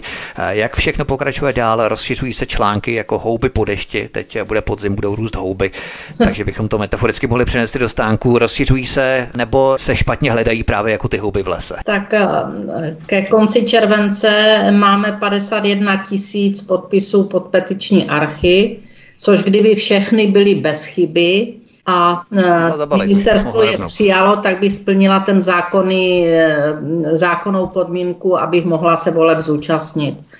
Vzhledem k tomu, že chci 100 tisíc, abych měla podporu silnou, tak stále intenzivně pracujeme na sběru podpisu. Je to opravdu těžké. Sbíráme a rozšiřujeme petiční místa, dobrovolníky, kteří jsou ochotní petiční místa eh, prostě ve svých objektech poskytnout. Eh, přijímáme podporovatele, kteří se sbírají 100 podpisů, 10 podpisů, posílají nám to Eh, na, do ústředí anebo před, předávají eh, koordinátorům. Takže ta akce se sběrem podpisu pokračuje intenzivně dál z naší strany, ale mohu říct, že je to nejtěžší část kampaně, eh, protože je to nevyspytatelné, jestli se skupince, která z podpisy sbírá, podaří ten den se sbírat 100 podpisů nebo jenom 10. Eh, takže je to opravdu velmi těžké a všem, eh, kteří nám doposud eh, podpisy dali, všem, kteří nás vlastně podporují v našem úsilí, nesmírně děkuji, protože bez vašich podpisů na ten start prostě nemohu nastoupit. Nebudete mě moci vidět v boji o prezidentský mandát, nebudete mě moci vidět a hodnotit mezi ostatními kandidáty, jestli budu nejlepší a dostanu ty hlasy ve volbách, a já jsem si jistá, že pokud se do tohoto zápolení dostanu, takže nejlepší budu. Ale bez tě, té vaší podpory, široké podpory, prostě do toho nemůžu jít a těch voleb se nebudu moc zúčastnit. Stále věřím. Ono je taky důležité si vybrat se... nějaké strategické místo, kam si stoupnout v rámci sběru těch podpisů. Já bych třeba doporučoval v hypermarketech, když je třeba nějaká dobrá akce, k těm regálům si stoupnout jo, v rámci těch petičních stánků. To by bylo úplně skvělé. Já si myslím, že tam by se nazbíral hodně podpisů. Zbyněk Parusek, Zbyňku, ty jsi se účastnil nějakých konferencí, setkání v rámci přípravy sběru podpisů na kandidaturu Aleny Vytázkové. Jaký máš z toho pocit? Lidé se probouzejí, jak jsme řekli, aktivizují se, mobilizují se lidé hodně. Já si myslím, že, hodně, že velký útlum byl počas dovolených. Ty dovolený nemůžeme objektivně říct, že by tam nehráli roli, hráli, protože celá řada ještě lidí v srpnu byla s dětma v zahraničí a tak dále, tak dále. Takže tam fakt nebyl takový zájem. Já myslím, že se zase pomalinku ten zájem probouzí. Sice tak, jak se říká, za minutu dva nebo za pět minut 12, ale probouzí, to je jedna věc.